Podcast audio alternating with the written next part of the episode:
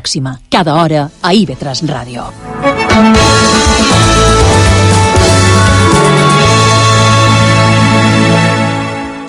IB3 Ràdio. La ràdio autonòmica de les Illes Balears.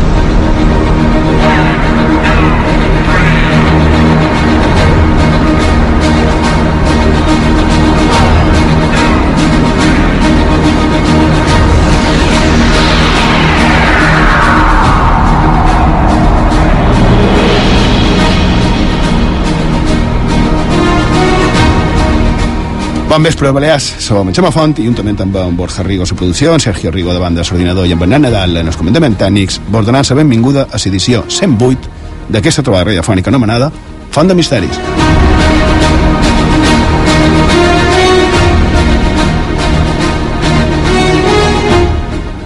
Bé, seguim sense voler fer massa comentaris dels disbarat com a terroristes en el nostre món, no? que encara que millorable és el nostre, i sempre sense deixar de banda no ho han fet mai a Font de Misteris deixar-ho de banda el que està passant també a la resta del globus no? i ens seguim demanant com ja ho hem fet des de fa ja massa temps on són les nines i dones segrestades per, per somos d'en Boko Haram no? afegir que aquesta mateixa setmana els atentats arreu del món segueixen els que ara dit, els de Boko Haram segueixen matant i gent que no té res a veure en tota aquesta història estan morint. I de simplement dir que encara que pens que no serveix per molt, tant de bo fos així, però dir que, efectivament, i com no pot ser d'altra manera, estan en els nostres cors, com a mínim, tots aquells que ho estan patint, i que els nostres pensaments constantment estan amb ells. Nosaltres seguirem tratant de fer un programa de ràdio que encara que no salia la, la realitat que ens envolta, sí que tractam de fer, si és que és possible, que durant una estona estiguem pensant en altres coses. No, no és fàcil, i, i més difícil és encara si un pensa que darrere de totes aquestes històries hi ha molta cosa que no se sap, hi ha molta cosa amagada.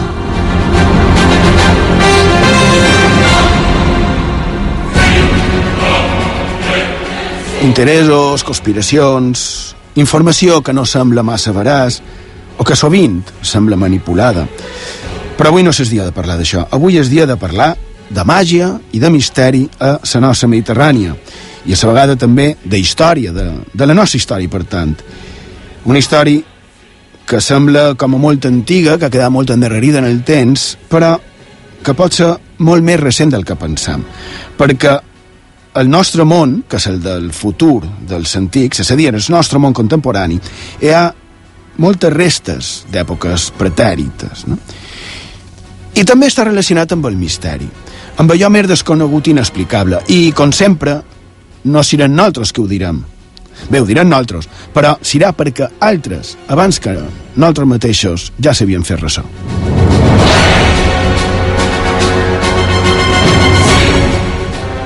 Avui tornem a tenir un programa d'aquells d'història en mayúscules, un programa d'història que, a ben segur, ens sorprendrà.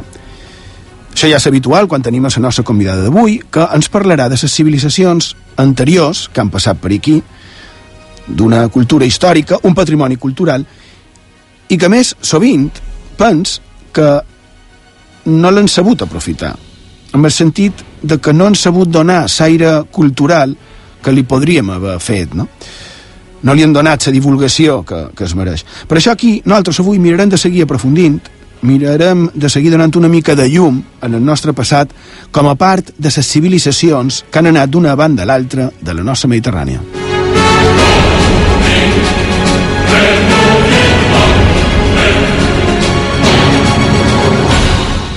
La setmana passada, com gairebé sempre, quan estem preparant els programes, se'ns queden coses per dir. I mentre estàvem fuetjant llibres i, i comentàvem, va sortir una curiosa història que va escriure en Mascaró Passerius l'any 1974, crec que era, ho tenim per aquí sobre, després ho veurem, que ens parla d'una curiositat, una curiositat que té molta cabuda dins el nostre programa. Roma, l'antiga Roma, l'antic imperi romà, que com sabeu, des del 123 abans de Crist, en l'arribada d'en Quintus Cecilius Metellus, es van establir aquí, a les nostres illes, imposant, com s'ha s'ha vingut fent segle darrere segles i de, imposant la seva cultura, la seva, seva civilització que ja era una mena de compendi d'anteriors, però amb el seu celler propi, no? I d'aquí s'instal·len, munten les seves ciutats, els seus campaments, molt bé. I 2000, 2.000 anys després hi ha qui diu que encara se poden veure. Sí, estem parlant de fantasmes de romans. No ho diem nosaltres. Sembla que ara ho estem dient per fer-se gràcia, però no. Ho diu en Josep Mascaró Passerius, l'autor del Corpus de Toponímia de Mallorca, de la història de Mallorca, aquell en cinc volums dels anys 70, i de tant de tractats damunt la prehistòria menorquina, ell de fet era menorquí, era de l'allò, i d'això, fantasmes de l'època romana a les nostres illes. Així que per molt en fora que ens sembli que queden, encara són actualitat, com també ho és, actualitat, la nostra Mediterrània, i la seva influència actual dins el dia a dia. Crec que no fa falta fer cap comentari més en aquest respecte, no?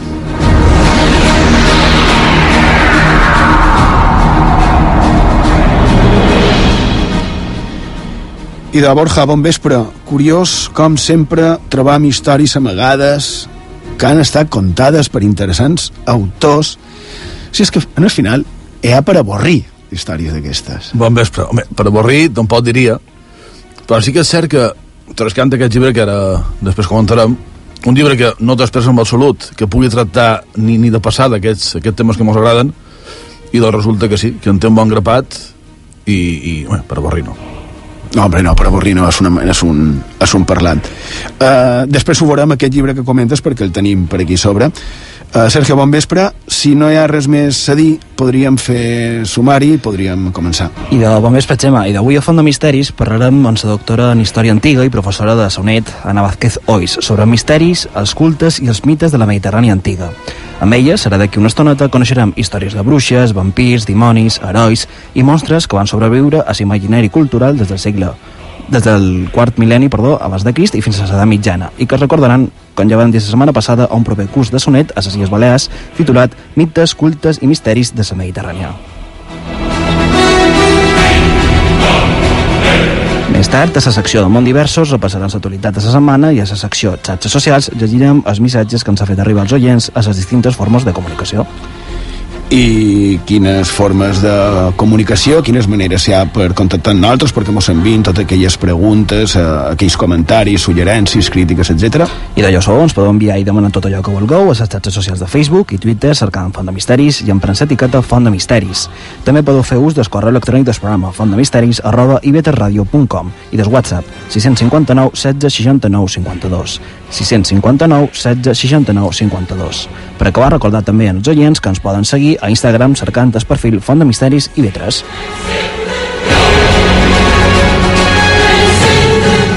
I de Bernat, si vols, feim una petita pausa i tot d'una continuem aquí, a Font de Misteris, a Ivetres Ràdio.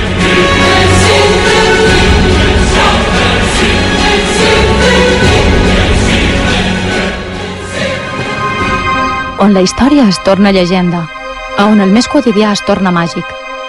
Acompanya'ns a la nostra font de misteris a IB3 Ràdio.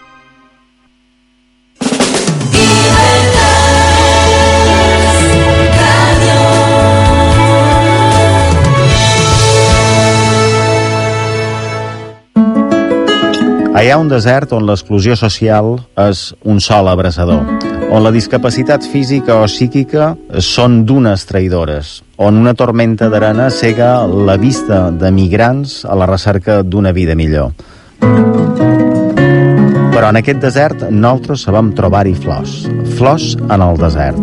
Flors en el desert, amb David Oliver, a IB3 Ràdio, diumenge a les 9 del matí. Maria, s'ha acabat ja. En temes sexuals hem de ser clars i no mos hem d'amagar, eh? Ai, Joaquim, saps que n'hi ha desconeixements i no te pots fer una idea dels mites falsos que encara mos envolten. I de no pot ser, les coses s'han d'explicar i s'han de tractar. Han de dir adeu en aquest oscurantisme. No passis pena, tens solució. Perquè la sexualitat és una part important de la vida, la tractam de forma clara a No apaguis el llum. Els dissabtes a mitjanit a IB3 Ràdio, amb Maria Ribo i Joan Guillem Jaume. IB3 Ràdio, la ràdio autonòmica de les Illes Balears.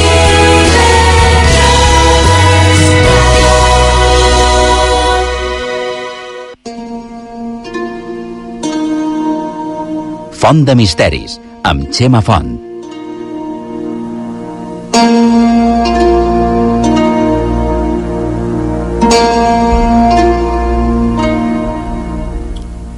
Seguim a la sintonia d'IV3 Ràdio. A Menorca mos podeu escoltar en el 88.6 de la freqüència modulada. I hem dit fa un moment que ho comentaríem, avui parlarem de màgia, cultes i, i misteris a la Mediterrània, perquè pensant que val la pena aprofundir, més que res perquè si avui som on som i som d'aquesta manera, millor o pitjor, però, però d'aquesta manera, és en bona mida per l'influència de segles i segles d'història en, en la nostra darrere. Sabem que hem estat influenciats per bona part de les civilitzacions que ha hagut a la Mediterrània, sense... Bé, eh, la setmana passada vàrem parlar de misteris de carreteres, per exemple, sense anar més en fora, i sabíeu que la carretera entre Palma i, i Pollentia la vàrem fer els romans, molt probablement, de fet, hi ha bocins que sembla que encara són originals. Així m'ho varen dir quan jo era petit. I la de Vila d'Eivissa a Sant Antoni de Portmany, que era Esport Magnus, també ho era, també entre Vila i les Salines, i encara més sorprenent a Menorca, on tenim com a mínim 136 quilòmetres de carreteres d'origen romà, Colla de Maó Ciutadella. De fet, se sap fins i tot quan se va reformar aquesta carretera. Però imagineu que encara dins el món del misteri pugui haver-hi qualque relació amb els egipcis, amb els grecs o amb els romans, a part de les òbvies, com podria ser la de la religió catòlica, no? que té 2.000 anys així calculat una mica a la grossa. I de, com dèiem Mascaró Passerius, una vegada visitada Pollentia, el llibre Sergio quin era? I dels llibres 30 excursiones en cotxe per Mallorca, editat a Palma en 1974. Que ja amb aquest títol és el que comentaven, sembla que és una, una mena de guia de viatge. I de, deia en aquesta publicació que allà, a l'oratori de Santa Anna d'Alcúdia, que era l'antiga... pertanyia a la, a la ciutat antiga de Pollentia, la romana, Bé, Sergio, si vols ho llegeixes tu, que, que tens aquí el llibre. A pesar de estar tan cerca de las antiguas alquerías morunas de Alcudia, Achara y Villarroja, este paraje de Santa Ana era sumamente solitario, pues antiguamente sus supersticiosos habitantes, dice el historiador Ventañol, creían ver cruzar entre las sombras de la noche los espíritus plañideros de los soldados romanos muertos en el combate por la defensa de su ciudad en el siglo IV en que fue atacada ferozmente, saqueada, incendiada y destruida, y sus habitantes sepultados entre los escombros de lo que fue su hogar i su pàtria. Au, no? Ja ho tenim. Fantasmes de romans a la nostra terra. A Alcúdia, a Silla de Mallorca, en aquest cas. Fantasmes de fa 1.600 anys, que ja aquí som amb el tema, si els fantasmes són atemporals, ja era hora de trobar fantasmes tan, tan antics, no? Perquè sempre els posam en llençol blancs o vestit d'època, però d'època decimonònica, no? O sigui que la veritat és que m'ha agradat aquesta història de suposats fantasmes eh, a l'actual Alcúdia.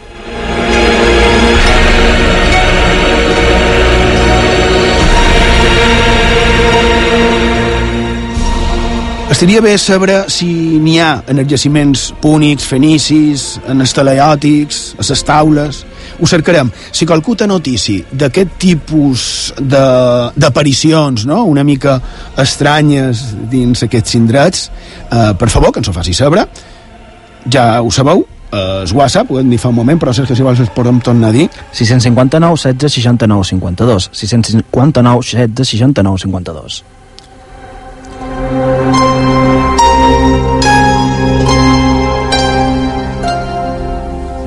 Ja vàrem, ja vàrem veure el seu dia com a l'antiguitat ja se parlava precisament d'aparicions, de fantasmes, d'éssers estranys.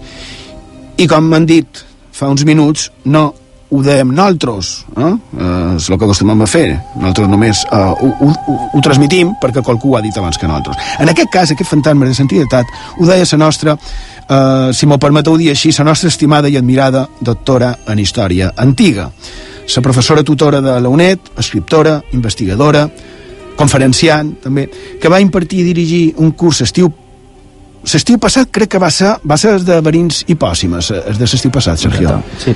Uh, I l'altre uh, va ser l'anterior, l'estiu de 14 de l'any 14, Eh? El, el, famós curs, el famós curs polèmic. Polèmic, exactament, exactament, que tenia títols com Fenómenos extraños al comienzo de las civilizaciones antiguas, Fantasmas del mundo antiguo y su manipulación, Fantasmas y aparecidos en la Edad Media... Això se va fer a la seu de la Universitat Nacional d'Educació a distància. I ara torna la doctora Vázquez a les nostres illes per fer un altre curset. Molt econòmic, gairebé simbòlic, es preu, tot sigui dit de pas, i es pot seguir de manera presencial o també mitjans internet i el títol i el contingut és d'allò més interessant.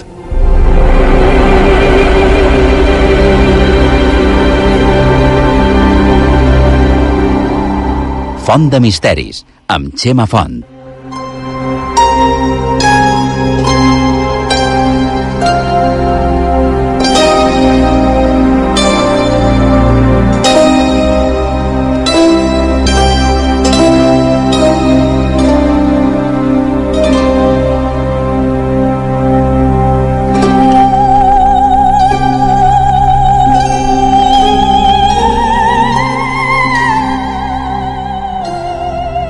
Sergio, tens eh, el programa aquí damunt mentre eh, telefonem a la doctora, si vols pots anar dient una miqueta eh, el planning del, del programa. I si el tenim per aquí el programa, ja ho hem dit, el títol dels curs, els mites, cultes i misteris a la Mediterrània, i els programes Egipte i la immortalitat, la Maya d'Osiris i Isis, Dimonis, vampirs i màgia mesopotàmica, Grècia entre vius i morts, la consulta oracular i els cultes oriàstics, Roma, déus, ritus i supersticions.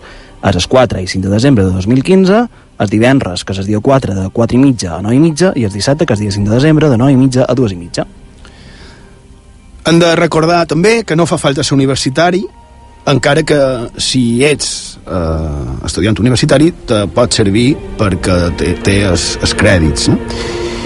i ja varen dir que quan ella tornés en, en temes tan atractius per un programa com és el nostre tractarien d'aprofundir no? i això és el que han fet contactar amb ella per tal d'aprofundir una mica en el que ha de ser aquest cicle de conferències que la doctora Vázquez impartirà, com ha dit en Sergio, el proper divendres dia 4 de desembre i dissabte dia 5 a la seu de la Universitat Nacional d'Educació a Distanci a les Illes Balears.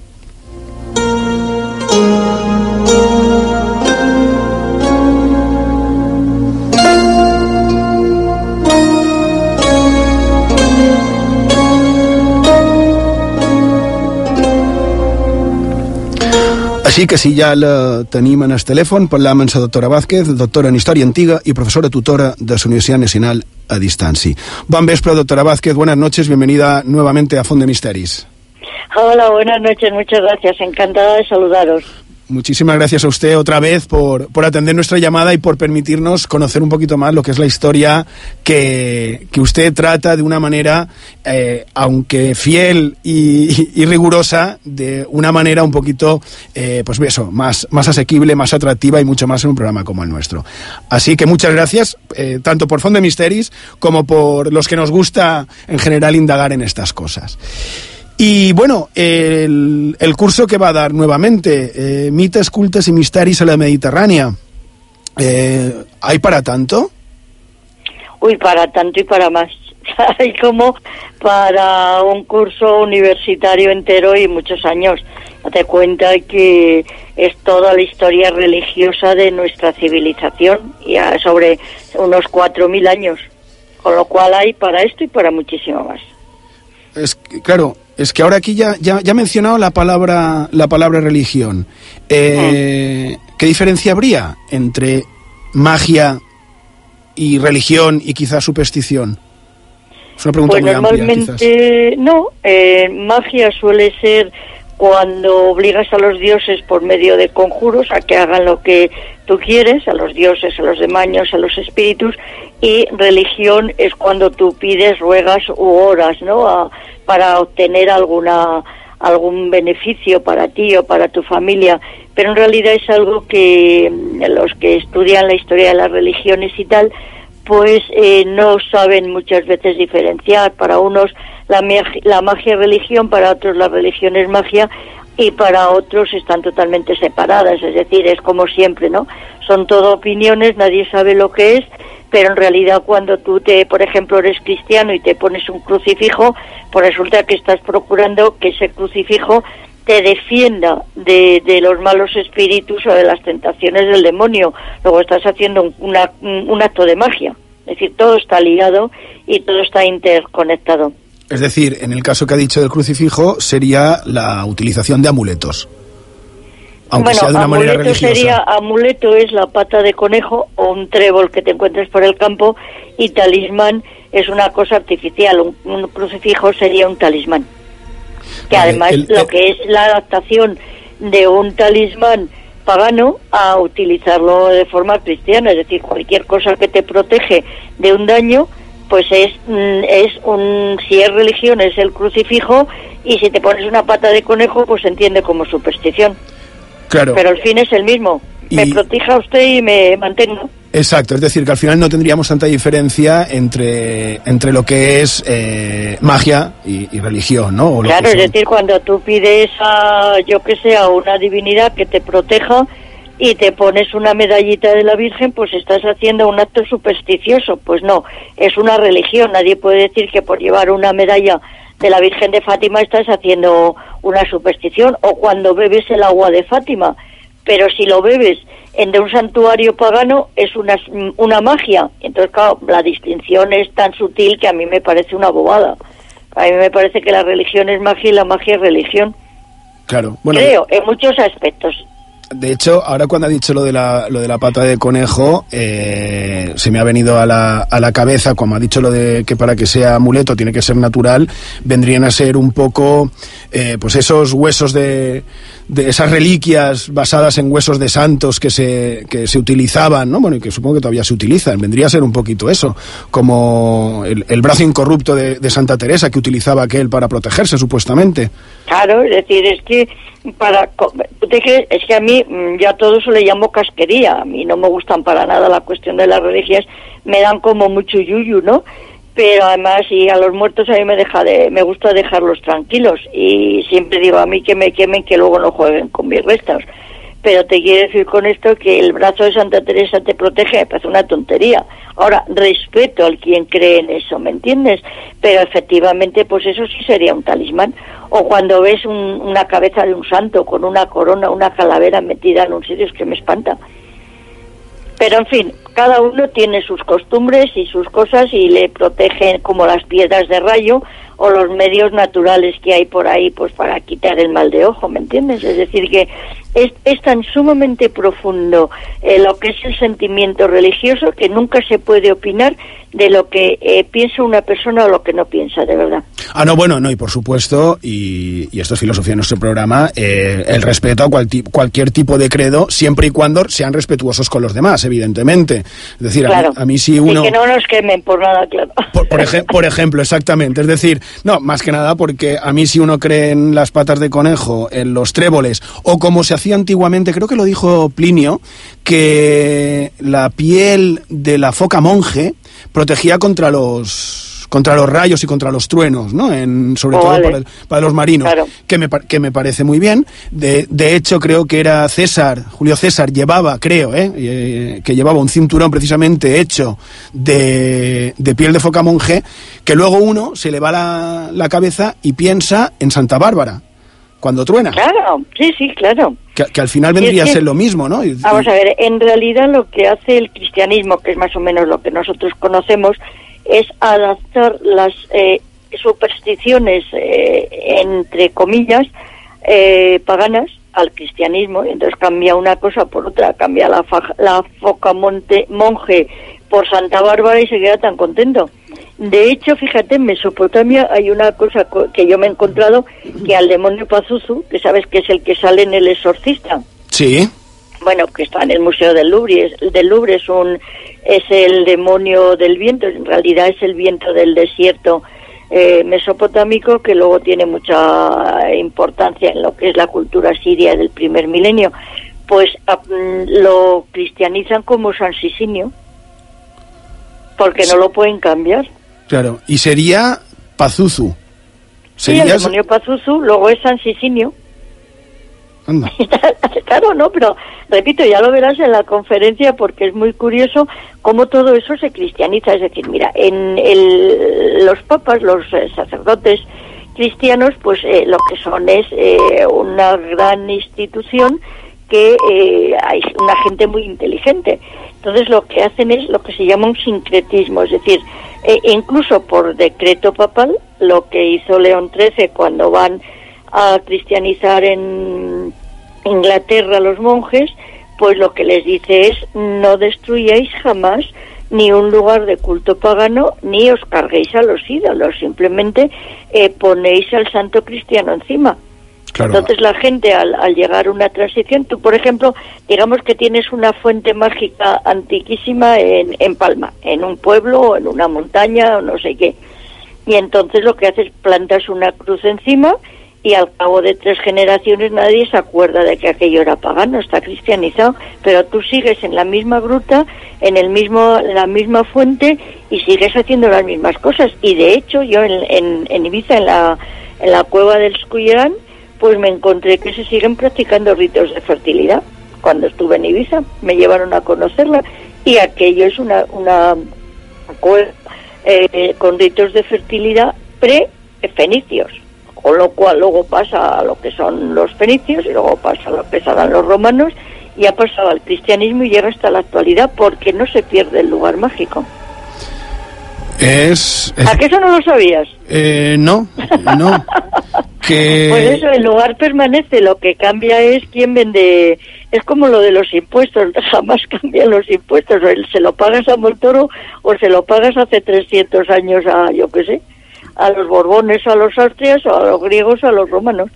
Claro, no, sí, sí, es que al final todo es una, una evolución. Sí, sí. eh, hasta incluso los, la, la tribu esta urbana, los góticos, ¿verdad? Que, que se creen posmodernos, resulta que, según leí en un escrito suyo, eh, eran en la antigua Grecia los seguidores de la magia negra. Claro.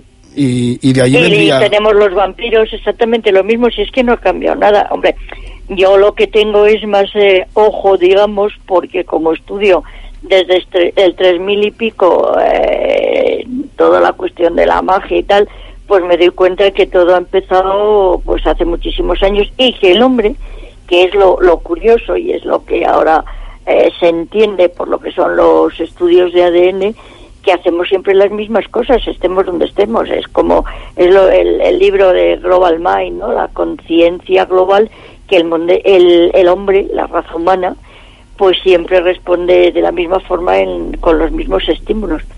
Y de hecho yo cuando hablo de la magia antigua y de la estabela y de fisión y lo que es la magia negra, pues se utilizan los mismos métodos que se utilizan ahora en el vudú. Y no quiere decir que los que hacen vudú tengan influencia mesopotámica, no sería una bobada. Claro, pero sí que el, el sistema, eh, eso también lo, lo leí en, en un escrito suyo, porque bueno, esta semana he estado aprovechando para recordar cosas. apoyándote. Sí, un, un, poqui- un poquito, sí, claro, pero eh, además eh, suele ser habitual Oye, porque... eh, No, no, que te iba a decir que tienes un libro magnífico que es Mi Arcana Mágica, que es uno de el- mi mejor libro de, de magia que tiene mil y pico fotos y es un diccionario de todas estas cosas. Está publicado por la UNED. Voy a volver a hacer un llamamiento a los libreros de las Islas Baleares para que, por No favor... tenéis, no tenéis excusa, Chema. Se pide por internet Eso sí. todo por Amazon. Sí, eso ni sí. libreros ni gaitas, que los que los libreros que no quieren vender, pues que no vendan. Ya, pero yo también Eh, entiendo... todo el mundo está en, Amazon, efectivamente, pero a mí me ha pasado que mis libros no los distribuyen, pues que no los distribuyan. Ya, pero... Le dais de ganar a la oposición. A mí me, a mí me gusta más ir de, de librería, el olor del Toma, libro, mí, etcétera, claro. ¿no? el, el, el poder ojearlo, nunca mejor dicho, en ambos sentidos, o sea que, que sí. Em, volvamos pero al el tema. problema de la distribución no podemos los escritores con él. No, lo sé, lo sé. Si no, si no distribuyen, pues yo mira que lo he dicho, que lleven mis libros a Baleares, pues si no los llevan será un problema de ellos, ¿no? O se los va a tener que traer usted, que viene un par de Uy, veces yo no, al que año. pesa, pesa mucho. Sí. Pero repito, a mí cuando me dicen, oiga, que no encuentran mis libros, que lo pidan a la editorial, pues ya lo sabéis. No, eso sí. Hoy en día está todo en Internet. Sí, y, y tiene lo, lo bueno y lo malo. Tiene lo malo de la desinformación y lo bueno de la, del acceso a- tanta información. Pero es que es una maravilla tener una librería a nivel mundial. A mí me parece eh, impresionante que tenemos un escaparate al mundo y que además te lo ponen en casa en 24 horas.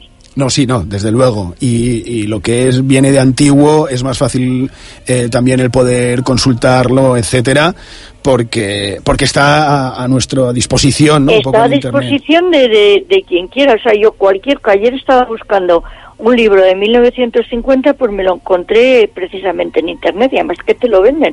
Un libro de 1950 de, de la magia francesa, en, en- publicado en Francia.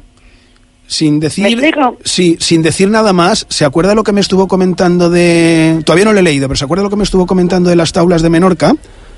Sin entrar en detalles, ya lo comentaremos otro día. En la Biblioteca Nacional eh, lo tienen escaneado en la revista de Menorca de los años 40. Eso es una de las ventajas de Internet, porque Está, está escaneado, está en internet, entonces. sí, el libro no. Y ya me lo pasarás. Sí, sí, sí. No, yo tengo, el libro me lo presta un compañero mío que lo tiene en su casa, me lo trae el próximo viernes. O sea que- Ah, fantástico, Eh, fantástico. claro, eh, lo que no tenemos eh, nosotros en internet o está en bibliotecas, pues lo tiene un compañero y además se lo comenté y me dijo, uy, lo tengo yo en casa. Digo, pues nada, la semana que viene me lo traes, claro. Ah, pues perfecto. Pues yo miraré lo de la revista Menorca, usted mira el libro y hacemos una apuesta en común. Exactamente. Vamos con el, con el tema del que estábamos hablando, que si no, como siempre, nos vamos de una cosa a, a la otra. Eh, bueno, entonces eh, queda bastante claro que la religión y la magia se, se confunden un poco en el, en el tiempo. Eh, podría haber eh, pocas diferencias, quizás, eh, que la magia mm, no es como la religión, que hay un arrepentimiento, que puede haber un, un pedir perdón y una cosa de estas en la magia quizás no esté tan, tan patente, ¿no? No lo sé. Quizás el- la, la ofrenda de la magia sí sería, el, o el sacrificio de la magia sí sería este tipo de situación. Pero aparte de eso, ¿la magia tendría moral, doctora Vázquez? No tengo idea. Vale, Y la religión tiene moral, Chema. Pues no tengo ni idea.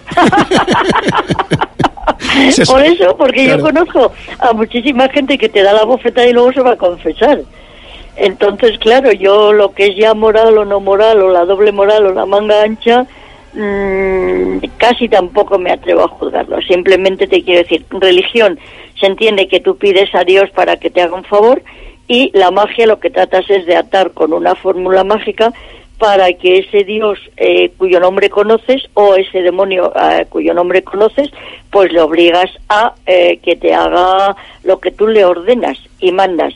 Pero cuando tú te pones un- una medalla, estás haciendo algo que es tan mágico como la magia misma. Decir, lo mismo, si tú entiendes que eso te protege, te pones una medalla de la Virgen de Fátima o te pones pues eh, la pata de conejo. Con lo cual hay cosas que no se pueden dilu- dilucidar si es magia o es religión.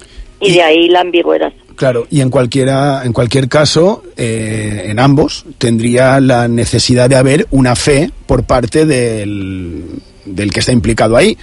Obviamente. Es decir, siempre tiene que haber ese factor fe que, que, que atribuiríamos las, los fenómenos estos eh, sobrenaturales, ¿no?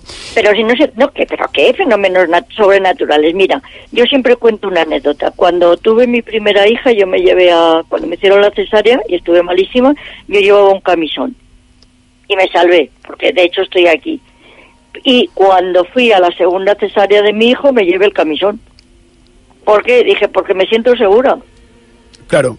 Yo creo que todos tenemos un poquito de... es de psicológico. Sí. Claro. Yo creo Son que... tonterías. Sí, de hecho yo hago, hago cosas así también, la verdad. cuando me dicen, ¿y usted que habla tanto de magia? ¿Lleva amuletos? Todo lo que yo llevo cargado es amuleto. ¿Por qué? Porque todas las joyas son amuletos. Llevo dos sortijas que son dos serpientes, llevo unos aritos que se ya no sé qué, llevas una pulsera de no sé cuánto y te pones la sortija que te regaló tu abuela porque tienes el cariño de tu abuela. Pues ya está. Claro, Y eso es la magia. Es todo psicología, claro. en mi opinión, ¿eh? Sí, no, no, no, por supuesto, por supuesto. Claro.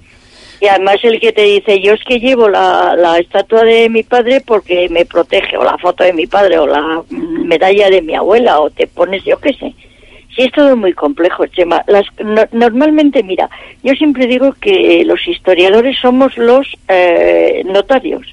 Nunca sabemos las causas ni, y tenemos que in- inducirlo o intuirlo todo porque por qué se pone una persona una medalla o por qué una gente va a, a Santa Gema, por ejemplo, aquí en Madrid, me contaban precisamente los, eh, los sacerdotes que tenía mi compañero, que era el, prior o el que, que llevaba este lío de Santa Gema, que en Santa Gema no la conocían a nadie. En, en Italia y de repente ha tenido tal éxito en Madrid, al lado de mi casa, que se han traído hasta el corazón y, hay, y no te puedes imaginar cómo está la adoración de Santa Gema, que es una cosa totalmente pagana. O, o el Cristo de Medinaceli, besarle un Cristo a un pie de madera a una estatua. Bueno, pues si la gente cree que es milagrosa, de milagrosa, pues lo es. Bueno, sí, y, y las, las estatuas, Repito, sí, o como, claro. como meter la mano en la, en la boca de la verita, boca de la verita. por ejemplo, o, bueno, ahora me, me viene una del, en el cementerio de París, eh, había una, bueno, aparte de la de Oscar Wilde, que eso ya es un poquito así, o la de... de, bueno, es igual, hay un par de tumbas que, que mejor no citar. Y, y había una que es de un cuerpo de un varón tumbado, hecho en, en bronce, y claro, a base de tocar un mismo punto se queda dorado. Eh, no nos podemos imaginar el punto que se tocaba, porque se cree, se dice, que, que da buena suerte tocar las partes encima Claro. de una tumba Claro. tocar lo que sería la- donde estaría el miembro, donde estaría el pene, sí. del- de- Sí, sí. porque encima eh, era era bastante es bastante prominente, entonces y esa parte está como más pulida que la gente lo toca, ¿no? Es decir, es un poco Vamos a ver, en Verona, en Verona hay una estatua de, Chul- de Julieta, en la casa de Julieta, que ni Julieta ni existió ni nada de nada. ¿Sabes lo que se le toca? Un pecho. Pues por, eje- por y ejemplo. está ahí todo el mundo haciendo cola para eh, hacerse la foto tocándole el pecho a Julieta. Eso son chorradas. Bueno, y mayor chorrada todavía, lo de poner los candados en los puentes, que se están cargando los puentes. Eso es hasta peligroso, porque el exceso de peso, claro, claro. Pero ¿qué magia es esa? La magia del nudo. Exacto. porque son candados que no se pueden abrir y es lo mismo que cuando se hace el nudo de San Cucufato. San Cucufato te, te, te ato esto y si no me lo desatas pues no puedes hacer pis. Claro. ¿Me entiendes? O cuando ponemos el amuleto fálico, es decir, el sentido de la magia es el mismo. Son tonterías a las que se les atribuye no sé qué. Si en ese momento a mí yo encuentro lo que me eh, le he pedido a San Cucufato, el conjuro que he hecho de decirle a San Cucufato, si no me encuentras lo que he perdido, no te desato la colita y no puedes hacer pis, pues cuando te ganas de hacer pis yo encuentro las cosas y yo encuentro las cosas con eso y yo voy haciendo nudos por todos lados. ¿Qué pasa? ¿Que eso es verdad o es mentira? Pues es que mm, encuentro las cosas por casualidad, obviamente. El pobre San Cucufato no está más que en la, en la Catedral de Cuenca, me parece que hay un cuadro. Y en el tema de los nudos, que ha dicho lo de San Cucufato, en la antigüedad también había el, el ritual Toma, del claro, nudo. el, el nudo mágico, el nudo de Hércules. O sea, tú si haces un nudo, estás atando a la persona, pero es lo mismo que cuando te casas que te dicen lo que Dios ha atado aquí en la tierra, que no, en el cielo, que no lo desaten los hombres en la tierra. Eso lo dice el sacerdote en el matrimonio. Es decir, que también, como siempre, estos rituales nos vienen bastante de... De Mesopotamia, de Grecia, en Grecia se atribuye a Hércules y es lo que se llama el, el nudo mágico. Vamos, lo tienen directamente la magia de la atadura, que es lo más tonto del mundo. Bueno, pues lo tienen todas las culturas que yo conozco. Incluso lo tienen los musulmanes en el hombre. Cuando se dice hay que atar a un hombre, hay que atar a, a, un hombre con un conjuro para que no te deje, o por ejemplo los vestidos de novia en la cultura musulmana, creo que lo he estudiado en alguno de los dos países, pues el, el hombre es el que desata los nudos del traje de la novia, que significa lo que es la virginidad. Anda, ¿cómo, Claro. cómo se entremezclan?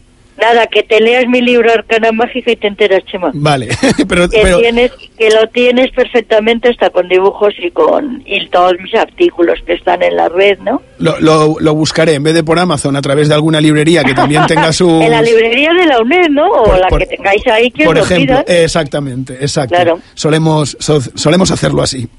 Claro De todos modos, eh, aparte que yo lo sepa, también es, es darle la, la difusión, ¿no? Porque es un poco saber de dónde venimos, ¿no? Y por qué estamos donde estamos, que es un poco lo que... aparte de que hay muchísima literatura de, de kiosco que son cosas muy malas escritas por aficionados que no saben explicar las cosas y aquí tenéis el libro de un especialista además esta también está en digital y en lo editó la UNED en digital y lo editó también en pues debe ser del año 91 o 92 o sea que es un libro no del 2000 me parece que es del 2000 o 2001 o 2 es Pues tomamos nota.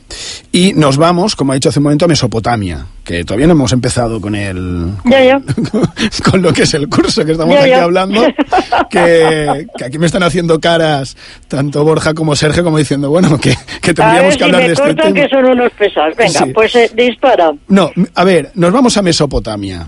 venga ¿Por qué es importante Mesopotamia, recordemos? Pues porque, vamos a ver, mi asignatura tiene cuatro partes, el mundo antiguo, que es Oriente, Egipto, Grecia y Roma. Entonces puedes empezar por Mesopotamia. ¿Por qué? Pues porque ahí tenemos eh, donde comienza todo, donde comienzan los mitos, donde comienzan los dioses, donde comienza la magia y los demonios. Es decir, lo que en estos momentos llamamos demonio, pues allí es simplemente un espíritu.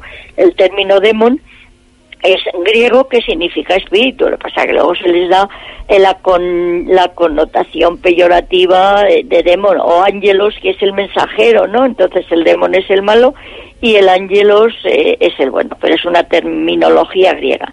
El término magia no existe jamás porque eh, los magos es una mm, eh, tribu persa de que se conoce en, en Occidente hacia el siglo III antes de Cristo. Anteriormente no se llama magia, era una ciencia y era una religión.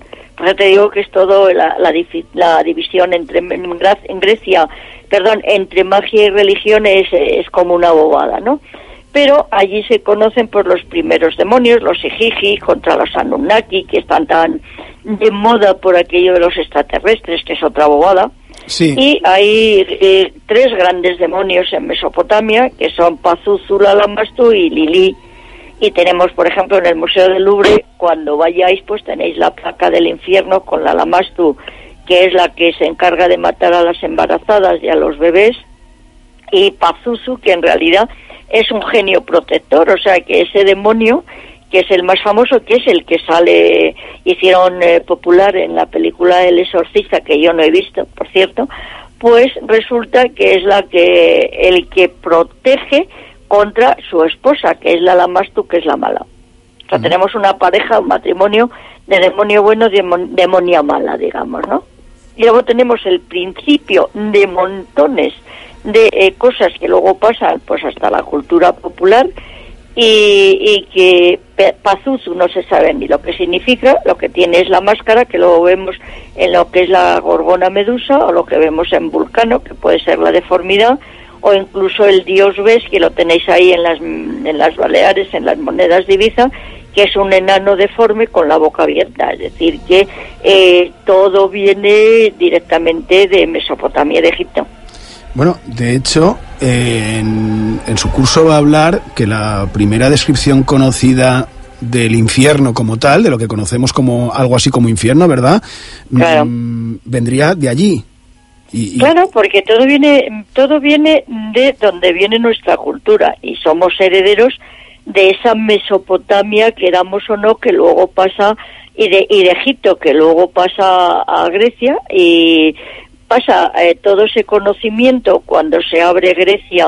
eh, pues en el siglo V es que la gente viajaba, o sea, no tenían internet, pero tenían, viajaban que no se estaban quietos. Entonces hay una interconexión desde que empieza la cultura griega en el siglo VIII antes de Cristo, pues tiene mucha influencia de Egipto y de Mesopotamia.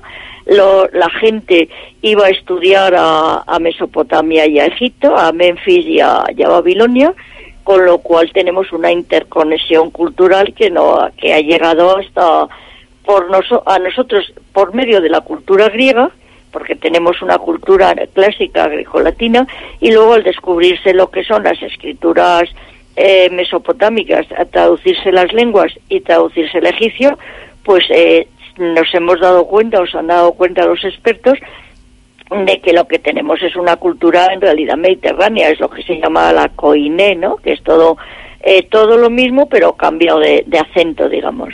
El Mediterráneo es una, un momento, es un lugar común de, de transmisión de culturas, no solo de migrantes, obviamente. No, claro, bueno, es que está todo mezclado y al final, Claro. eh, si, si todo el origen era en el Tigris y en el Éufrates y hemos llegado hasta donde hemos llegado, quizás no seamos ah, al final tan, tan diferentes, ¿no? Y, y para ellos, ¿qué era el, el genio y qué era el, el demonio? Su, concepto. Pues el, el genio era el que protege y el demonio era, eh, era como, como eh, tenemos la- el sentido iconográfico de que el genio es como mejor, más guapo, y el demonio es más feo, que es también la protección contra el mal de ojo, se hace por medio de la careta y la deformidad, que es una cosa muy curiosa, porque al ver una cosa deforme, o a ver el falo, a ver un amuleto fálico como se hace en Roma, pues al exhibir los órganos sexuales, tú te tapas, horrorizado de lo que ves, y dices, por Dios, que, que tápese usted, oiga, que se le está viendo el pompis, ¿no? Entonces te tapas. Y lo que hace es que eso corta la, la mirada maligna, que es la que causa el mal de ojo. Vale. Y entonces ese es el sentido de la exhibición de, de los órganos sexuales, tanto femeninos como masculinos, como el horrorizarte cuando ves una figura deforme. Y la deformidad, si te das cuenta, eh, hay una frase que por lo menos aquí en, eh, en la península se dice, yo no sé si la tendréis en las Baleares, ¿no? Pero tenemos toda la cultura muy mezclada. Cuando dices, jolín, parece que me ha mirado un tuerto, yo no sé qué me pasa hoy. ¿No lo has visto tú nunca? Esto lo he oído en, en castellano, aquí ahora mismo no se me ocurre. Claro. No y por la- ejemplo, cuando compras un, un, un número de lotería, pues pasarlo por la chepa a la gente. Eh, Esta, esta sí, esta sí O que... un cojo. Es decir, joder, el- parece que, me ha, parece que me ha mirado un cojo. Sí. Pues Sí, eh, estos son, todo es, es apotropaico que se llama, es decir, te protege y al mismo tiempo tú atacas el mal de ojo. Y los demonios eh, que antes has citado, Pazuzu, Lamastú, Lilith y, y- y estos, ¿qué vendrían a ser? ¿El equivalente al, al, al diablo del cristianismo o bueno, del... Vamos a ver, ¿O no eh, tendría en nada que hay- mm, sí, pero que es que, eh, mm, vamos a ver, todo eso, el, el término diablo, repito, que es daemon, que es espíritu, luego eh, cuando nos viene todo por lo que es el, el magdeísmo, que es la lucha del bien contra el mal y de la luz y, en- y la oscuridad contra la oscuridad, porque además son complementarios, es decir, Dios, que es la luz, sin el demonio, que sería el oscuro, no tiene razón de ser, que es toda una creencia mazdeísta persa, y si tú no tienes una luz no ves que es la oscuridad. Y de hecho tú ves la luz porque hay oscuridad, es decir, se complementan, ¿no? Todo eso que luego nos pasa al cristianismo está materializado y antropoformizado en esa figura de Lucifer, que es el que se opone a, a, a Yahvé o a, Dios, y que es directamente el principio de la luz. Luego, el demonio no tiene por qué ser feo, es una cuestión iconográfica que se le da a partir de la época medieval, que se pone de moda y además es solamente eh, la adaptación al cristianismo y es enemigo de, de Dios de una iconografía totalmente griega que es el macho cabrío, que son las eh, divinidades campestres. Bueno, muy bonitos. Con lo cual está todo ligado, todo ligado, claro. Muy bonitos no son porque cuando me envió al, al Museo eh, Metropolitano, ¿se acuerda? Que le hice unas fotos. Lo vi de cerca, lo vi de... y era un poquito grotesca la, la figura. ¿no? Claro, pero es, es, es, en su belleza te das cuenta que es una figura totalmente eh, que está puesta ahí para porque date cuenta que Pazuzu es el demonio del viento y es el viento del desierto el que trae la peste.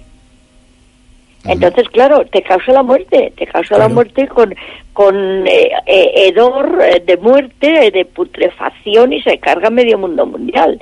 Entonces, claro, muy bonito no puede ser, pero por, tú fíjate que, por ejemplo, en la imagen que tenemos del demonio, que es la única que existe en el mundo, del, del ángel caído del, del em, retiro de Madrid, Sí, Madrid, es un sí. chico guapísimo, es una preciosidad. La verdad es que sí, es, es el esbelto. de la sí. luz. Sí, es verdad, tiene, tiene razón. ¿Y, ¿Y la figura del exorcismo existía ya? Claro, obviamente el exorcismo es el conjuro hecho con la voz, es la fórmula mágica de la energía dominada por el mago para vencer a, a- a lo que se le opone, que es el demonio. Y, y el, El exorcista lo que hace es la- utilizar la magia de la voz, que es una energía. Entonces, con esa energía hacemos existir Dios en el Antiguo Testamento. Crea el, el mundo con su voz, no lo olvides jamás, y en Egipto lo crea masturbándose con el, eh, la, la masturbación del Dios Supremo, da origen al, al, universo entero y en Grecia, eh, por ejemplo, Zeus pare Atenea con la, con la cabeza.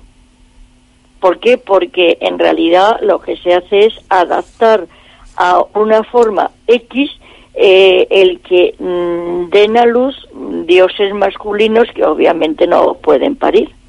Y entonces, pues como paren o por la boca, que sustituye a los órganos sexuales masculino y femenino, eh, por lo tanto serían andróginos, como se supone eh, que sería la diosa madre, y lo decía María Gimbutas, que el falo del Chataluyú pues era simplemente el falo de la diosa madre en su manifestación masculina y cuando hay dioses andróginos que eh, perdón cuando hay dioses que no pueden parir pues hay que hacerles mm, generar y, eh, esa energía para crear el mundo de alguna forma pues con la boca con el semen o con la cabeza como lo hacen en Grecia no con Zeus. Y es todo una un tratar de explicar que se llama la cosmogonía, tratar de explicar de una forma gráfica para que se entienda por qué una divinidad masculina puede parir, como no puede parir, pues se lo inventan en una forma de esta, ¿no? Claro, ha hablado del- del ángel caído de- del retiro de Madrid como figura esbelta. Ahora, si le parece, haremos una, pe- una muy pequeña pausa y continuaremos y hablaremos de eh, Lilith, por ejemplo, ¿no? que como, como figura esbelta también y, y no muy positiva, o sí, ahora, ahora lo vemos. ¿Le importa si hacemos una pe- muy pequeña pausa y, y volvemos enseguida? ¿Le importa? Como queráis, encantada. Muchísimas gràcies. Hasta luego. Hasta ahora. Fem una petita pausa, si vols, i, i continuem aquí a Font de Misteris, a IB3 Ràdio. A IB3 Ràdio, Font de Misteris. IB3 Ràdio, la ràdio autonòmica de les Illes Balears. Els capvespres d'IV3 Ràdio són per passar una bona estona i oblidar els problemes quotidians, per rebre l'assessorament de professionals qualificats, per escoltar entrevistes ben interessants. De dilluns a divendres a les 4, això és IV3. Endinsa't en nosaltres al sector primari de les Illes Balears. Coneix la tradició, la innovació de pagesos i mariners, les lleis que regulen les seves tasques, com s'elaboren els aliments fets a les illes, què hi ha darrere la màgia del vi? Tot això i més a IB3 Ràdio. El món del camp a la mà, cada dimarts i dijous a IB3 Ràdio, a les 7 del capvespre. Del camp a la mà, amb Aina Solano. IB3 Ràdio. 10 anys amb tu. A IB3 Ràdio, els matins són per a tu. Perquè t'informis, per escoltar els protagonistes de l'actualitat, perquè reflexionis, perquè t'agrada sentir el dia a dia. Escolta el Faristol d'IV3 Ràdio amb Àngela Seguí, de dilluns a divendres a les 8 del matí.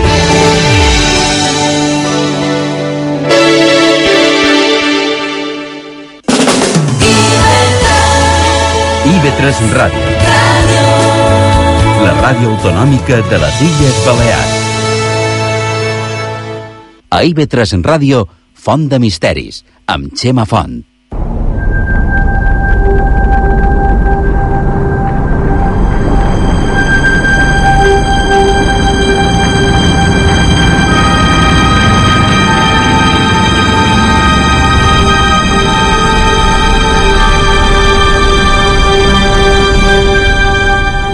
Seguim a Font de Misteris, a la sintonia de 3 Ràdio, a Eivissa i Formentera, mos podeu escoltar en 93.7 de la freqüència modulada i eh, estem tenint una conversa amb la doctora Ana Vázquez Ois, Ana Maria Vázquez Ois, per mort de que els dies 4 i 5 de desembre propers eh, ve a, a Mallorca, a la Universitat Nacional d'Educació a Distància, per impartir un curs que du per títol Mites, cultes i misteris a la Mediterrània, on fa una, un repàs a, a les antigues civilitzacions i a tot allò relacionat amb el més estrany des d'una vessant històrica, no? de vegades ella és doctora, doctora en història antiga, a part de professora tutora de sa, de sa UNED. I just abans d'aquesta pausa, pausa eh, estàvem parlant dels eh, dimonis i de l'àngel caigut, per exemple, y nos habían quedado en Lilith. Doctora Vázquez, buenas noches otra vez. Hola, buenas noches. Eh, estábamos hablando de Lilith. Me sorprende porque Lilith, ya el nombre en sí mismo, al menos a mí, tiene, eh, no sé, es como una connotación eh, agradable, suave, es un nombre, no es como Pazuzu, que es un nombre bastante eh, feo, ¿no? Por decirlo de alguna manera. Y, y, Lilith normalmente, ¿cómo se representa y qué, y qué es Lilith? ¿O quién era o quién es? Bueno, Lili es otra invención. Es una invención de, para antropoformizar los problemas de lo que es la infertilidad femenina o la muerte de los bebés, lo que son las fiebres puerperales. El Lilith o Ardatu Lili, que es la, la Lilith hebrea, hebrea, se cree que sería la primera esposa de Adán y en realidad es la que incita a la lujuria para luego no satisfacerla. Se la llama también, por ejemplo, Isaías 34 la llama el pájaro de la noche o la que no conoce marido. Y es muy curioso porque en realidad lo que se trata es, la Lilith era una mujer sexualmente frustrada e infértil que era especialmente agresiva con los hombres jóvenes. Date cuenta que en todo el mundo antiguo y actualmente pues en muchas eh, culturas todavía el hecho de no tener hijos y la infertilidad lo que te lleva es al repudio por parte del marido, porque la mujer tiene que tener eh, hijos para eh, mantener la línea sucesoria de la familia, ¿no? Con lo cual el, el ser infértil, porque ella lo era, pues resulta que eh, es una maldición divina. Y además mm, es un castigo, con lo cual pues está, digamos que maldita por, por la divinidad, ¿no? Entonces es algo que además se inventa en el siglo II después de Cristo, en el Midrash rabínico, para dar la explicación bíblica a la costumbre semítica de colgarse del cuello un amuleto con tres entes angélicos que se llamaban Senoi, San Senoi y Samagelo para proteger a los bebés de esta primera esposa de Adán que en realidad no existió. Es decir, también significaría, por ejemplo, la libertad de la mujer, la, mujer eh, sexualmente poderosa que eh, hace el amor encima del varón en vez de estar sometida, por lo cual pues eh, Adán la repudió porque quería ser fuerte y no someterse a él y entonces Dios le da pues una otra mm, esposa mítica inventada que sería sometida, que sería Eva. Que en realidad Eva es otra invención porque es una mala traducción de lo que significaba la grandiosa mesopotámica de la fertilidad, que es el término aquí, y se traduce por costilla, es decir, es tal mistificación y manipulación de las creencias antiguas que cuando te eh, asomas a los orígenes de todas estas creencias te das cuenta que son siempre manipulaciones interesadas de los que los sacerdotes o los que dominan esa sociedad, ¿no? políticamente. Y entonces si le pregunto por Zoroastro, ya la hemos liado del todo, ¿no? No, Zoroastro la verdad es que yo no, no lo he estudiado mucho porque es la religión persa, pero en realidad lo que tenemos es eso, que si ahora más da el bueno, que si el ahora más da el malo, y es la lucha del bien contra el mal, o en realidad el fuego eterno, que en realidad yo siempre he pensado que es la adoración de un pozo de petróleo o de gas que no podían apagar. Una cosa tan tonta como esa. Claro. No, no me lo había planteado nunca. Claro, el fuego eterno que es, pues algo que no puedes apagar. Claro, de hecho Ahí creo... lo tienes en mitad del desierto, claro.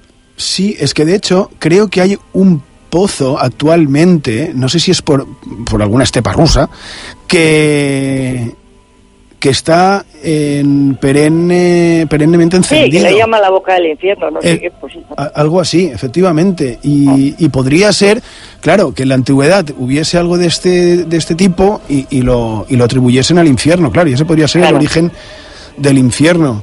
Bueno, luego hay quien le llama al infierno, lo se ha actualizado un poco y, y le llaman eh, no algo negativo, sino estar lejos de Dios, ¿no? Que tampoco entiendo muy bien yo el concepto, pero bueno, tampoco es el Pues debate ahora. Exacto. Claro. Pero, por ejemplo, Isaías, claro, lo que menciona es a Lilía. Lilía, Lilito, que es en realidad, es un espíritu, digamos, que causa la infertilidad. Por ejemplo, tú no puedes pensar que eres infértil porque tienes malos ovarios. Y eso te lo causa, ¿quién te lo causa? Pues un demonio maligno, femenino, porque te tiene envidia. Y luego, claro, cuando ella lo que hace es ser expulsada de la sociedad y se va al desierto, pues lo que hace es, ¿qué es lo que hace? Pues es eh, engendrar demonios, porque ya no puede tener hijos buenos, porque es la maldita.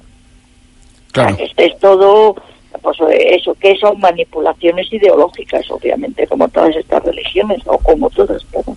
Claro, el, el problema es que cuando luego a alguien le, le atribuyen que era seguidora de Lili o, o de cualquier otra cosa parecida y... Y van y te queman. Sí, exactamente, ya la tenemos liada, ¿no? Pero bueno. Pues sí.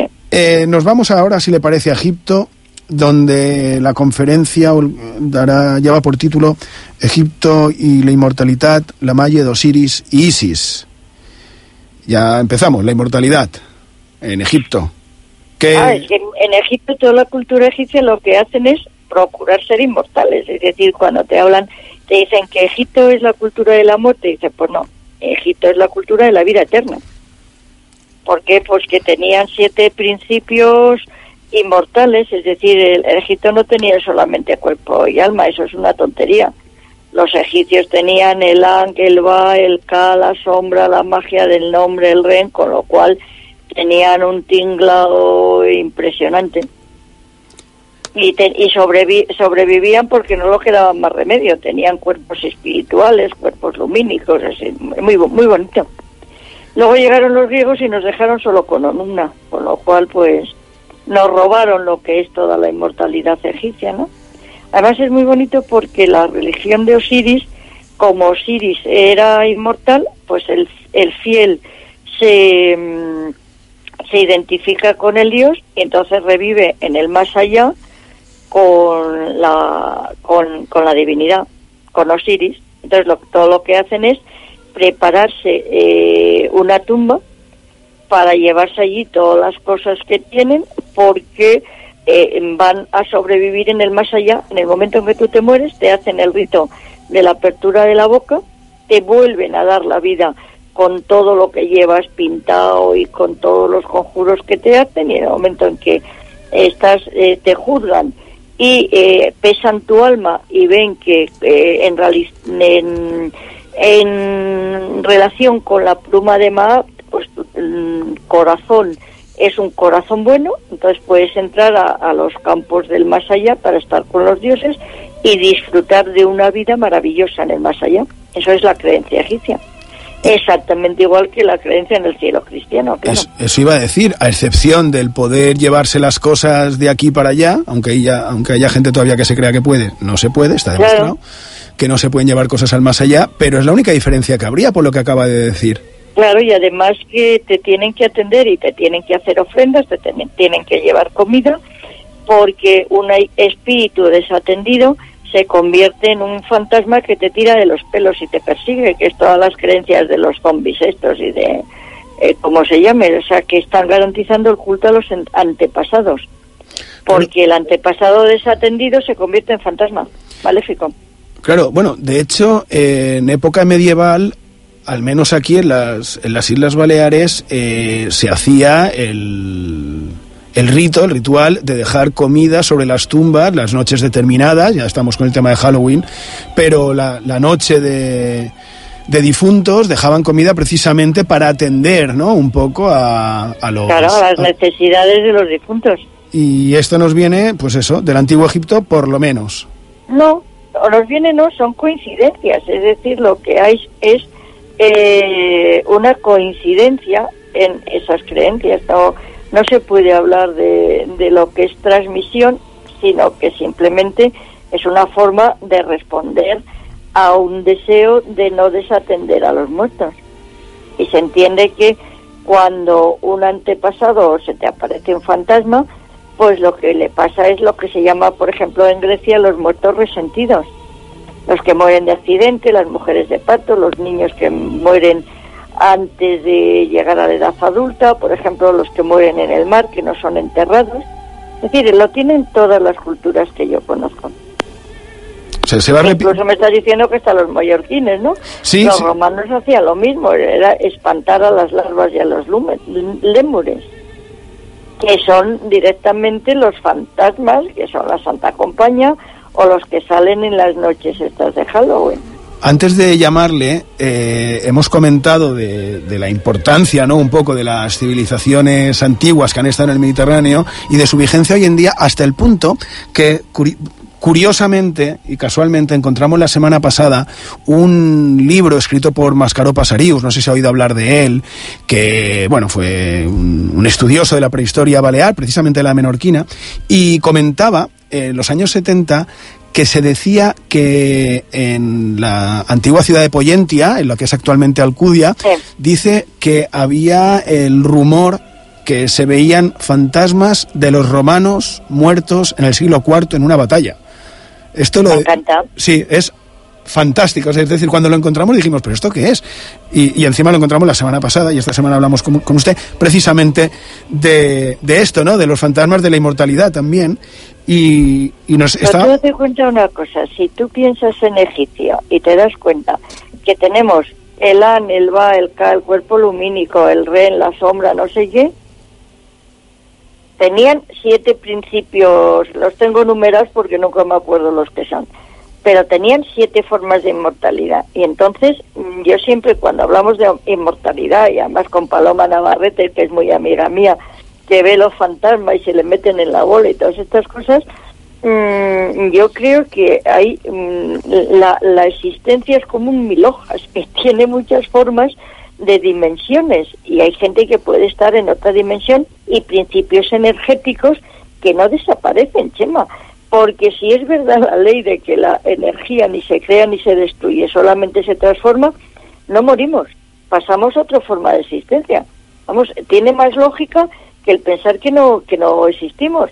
Si existen los ángeles, si existen los demonios y son seres espirituales que se pueden manifestar y eso está admitido por la Iglesia eh, Católica de forma que si no crees en el fantasma te pueden excomulgar, perdón, en, en el demonio te pueden Sí. excomulgar, pues si existe un fantasma existe el alma del abuelito Claro. y se, lo puedes ver. Bueno, pero es que la religión católica tampoco niega los... eh, Pues a mí me da lo mismo que la religión niegue o no niegue. Lo que hay que saber es, usted ve un fantasma, sí, pues ya está. Ah, no, claro, por supuesto. Y si uno así lo cree, mm, tampoco vamos a ser nosotros que se lo discutamos. Como tampoco vamos a discutir que haya gente a día de hoy que todavía utilice los mismos amuletos que se utilizaban en el antiguo Egipto, ¿no? Como... Es- no, no, y los que se utilizaban en Mallorca. Si yo a mí cuando voy a dar los cursos ahí, a mí me cuenta la gente lo que hacen en, en sus casas, en sus pueblos, en las creencias que tienen, si es que seguimos haciendo lo mismo, si es que en 4.000 y 5.000 años el hombre no ha cambiado tanto como para que cambie de creencia. Es que es, que es curiosísimo. De la misma forma que no cambia la, la, la- forma de una silla, tú te tienes que sentar y te inventas eh, una silla aquí en, en Mesopotamia o la puerta de entrada, si es que es todo tan, tan natural como la vida misma. Sí, al Y final... estamos siempre, el, el hombre, eh, lo que es la raza humana, siempre responde de la misma forma. Claro, Y punto. claro. Y Y... se ven fantasmas aquí, allá y en todas las civilizaciones. Ya viste cuando organicé yo los fantasmas en el mundo antiguo, que también voy a dar ahora una conferencia sobre fantasmas en febrero en el grupo EPTA. Es que yo tengo fantasmas en, desde que eh, se conoce en el programa, en el poema de Gilgamesh, el fantasma de Enkidu, que entra y sale del infierno tan contento. Tan contento. Sí, No, no, pero tan contento. Y en, en Egipto tenían en las tumbas una puerta falsa para que saliera la sombra del muerto. Y le ponían hasta la puerta para que no se equivocasen, como si un muerto necesitase una puerta. Pues te quiero decir que es una creencia. Y además le escribían cartas a los muertos para que les hiciesen cosas. O, por ejemplo, eh, en las cuestiones de Lili, los ritos que se, hace con Lili, se han descubierto hace poco, que ya lo veréis en la conferencia, que hay cráneos eh, con escrituras y textos mágicos que se metían debajo de los suelos de las casas para protegerlos de Lili. anda. Y yo no sé de quién sería el cráneo, porque todavía están espantados haciendo los estudios, claro.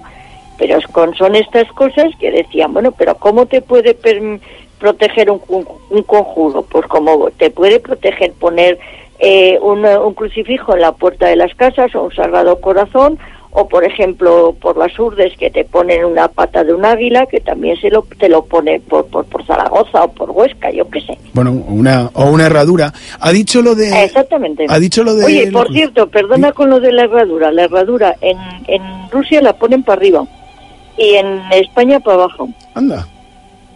Pues sí, yo tengo una nuera que es rusa y cuando ve la herradura dice, eso hay que ponerlo para arriba. Yo, pues vale.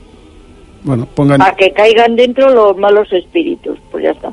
Ah, a modo, como si fuese la representación eso, de una especie de cesta, quizás. Exactamente. Ah, interesante. Para pescar al mal de ojo, claro. Claro, y que se quede ahí. Bueno, el mal de ojo que también ya nos venía con el ojo de, de Horus, por De ejemplo. Horus y con todo, claro. Claro, y luego a mí siempre me ha fascinado el tema de, de la cruz, que antes la ha citado, que ya también los egipcios ya tenían su propia cruz con, con más o menos la misma simbología, ¿no? La vida, la no es eternidad. una cruz. Es, eh, es directamente un signo jeroglífico que termina en, la, en, en lo que se llamaría la cruz ansata, que es el signo jeroglífico que significa vida. O sea, no es una cruz para No, nada. no, me refiero a la similitud con nuestra cruz, lo decía por eso, ¿eh? Es decir, no, pero no, no, no, no. ¿No, ¿no le ves similitud? No es- vamos a ver, no es similitud. Ellos tenían un signo jeroglífico sí, que es un- una especie de burbujilla y luego eh, un palo transversal y tal, pero no tiene que ver nada las churras con las merinas, no confundas para nada. Significa directamente vida. Es un signo jeroglífico, igual que pato significa o sol significa re o pato significa hijo. no, pero yo lo decía por la similitud del dibujo en sí, solo por eso lo decía. Que no, que no tiene nada que ver, Chema. Vale, Repito, es decir, eh, el, el signo jeroglífico es de una forma y una cruz son dos palos cruzados donde mataban a la gente, es un suplicio. no, eso sí. tú cruzar dos palos no tiene nada que ver que sea egipcio, pero esos son, repito, esos son inventos de los aficionados que no tienen ni idea, que luego pasan al imaginario colectivo y encima os lo creéis y encima se difunde. No tiene nada que ver con lo que es el símbolo de la cruz. Eso significa vida y punto. Igual que se pone el escarabeo porque es el, el nombre de Keper y Keper se creí, eh, significa vida. ¿Me entiendes? Entonces Sí. te pones un escarabeo. ¿Qué es? ¿Por qué? Porque como el escarabeo mm, mm, sale, eh, perdón, el escarabajo entra y sale igual que la serpiente, se cree que es inmortal, pues te la pones porque crees que te da la inmortalidad. Pues vale, pues te la dará. o, o ¿Me no. entiendes? Pero no es el, el signo Am es significativamente es el símbolo jeroglífico desde hace 5.000 años que significa vida en, en, jeroglífico, o sea, no es que sea una cruz, ¿me explico? Sí, sí, sí, no tiene nada que ver con, con lo que es la, la cruz. son dos palotes y a correr, donde crucificaban a la gente y se ha terminado. Y Sí, además sí. la cruz no es ni egipcia ni San Pedro que lo fundó, vamos, que no.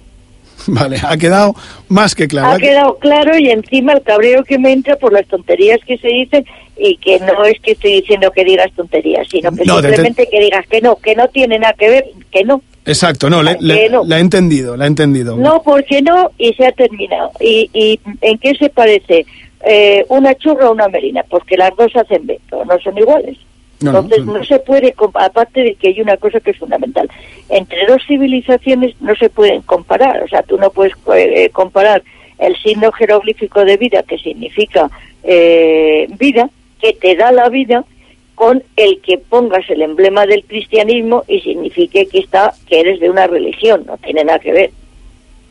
¿Me explico? Sí, También ahora mismo los del AL o Al Qaeda o como se llame están crucificando a musulmanes, a, a cristianos y a todo lo que pescan. Y cuando crucificas a un, mas- un musulmán no es que le estás dando el martirio, es que le estás, estás procediendo a un martirio bárbaro. Sí, eh, un ¿Entiendes? asesinato. Pero no lo conviertes en cristiano No, claro. porque por crucificar a un musulmán. No, claro, eso, eso, es, eso es evidente. Espero, porque el pobre musulmán eh, estaría espantado, claro. Es simplemente una forma de eh, martirio que se atribuye pues a Jesucristo y entonces se santifica y se piensa que eso te da la vida eterna porque te identificas con tu Dios, como igual con, que cuando te, en Egipto te identificas con Osiris, ¿no? En el mitraísmo mueres simbólicamente te cambian de nombre, como en el bautismo cristiano, y simplemente te conviertes en un renacido, un renatus, que, mm, que son lo que se llaman las religiones mistéricas, que son las religiones de, inmortalidad, que son todas orientales, claro. ¿Y en Grecia cómo, cómo estaba el tema de la inmortalidad? En, en, en Grecia la cuestión de la inmortalidad era que te morías y ibas a, Hades y además tenías que, que pasar una serie de rituales, la mm, laguna Estigia y todas estas cosas, y tampoco tenía mayor problema. Lo que pasa es que efectivamente sí creían también en, en, la, en una forma de inmortalidad y sobre todo lo que yo estudio este año en el curso, que es lo que más me gusta, que es la consulta de los muertos, que son los necromanteia. Con lo cual manipulaban las creencias de una forma maravillosa, porque se ha descubierto, eh, por ejemplo, en el, en el necromanteion de Éfira, en, en Épiro, pues se ha encontrado incluso las cadenas, el caldero donde subían a los muertos, que obviamente pues no era un muerto, era un sacerdote disfrazado de... Y hacían la, la escenificación inclusive. Claro. Pero vamos, no es que hiciera la escenificación, es que eran 29 días de, eh, de casi no comer, de ayunar a pan y agua, de tomar drogas, de oscuridad. Y claro, cuando te soltaban al 29, eh, hacías la consulta en estado de alucinación mental, veías lo que te dijeran, claro. Claro. Vamos, aparte de que hay muchísimas técnicas, en- vamos, yo lo tengo en casa, un, un libro siete tomos, de los sistemas de adivinación y, según te induzcan el sueño en un momento u otro, directamente tú vas a soñar con lo que quieres. O sea, los sacerdotes que practicaban la oniromancia y la, la onir- oniromanteia, que se decía, sabían en qué momento de la noche o el día anterior y lo que tenías incluso que comer para que tuvieses lo que quisieras. Había un, Ah, ah, una manipulación. manuales enteros, sí, sí, totalmente. Claro. No, pero esto es una manipulación. Eh, el hecho de que a ti te induzcan que vas a Lourdes y te curan, pues ¿qué es? Es una inducción, Bueno, sí. directamente. inducción. Sí. Aparte del milagro con el que no me meto. Pero realmente tú ves lo que quieres ver. Bueno, claro, sí, es lo que comentábamos anteriormente de la fe.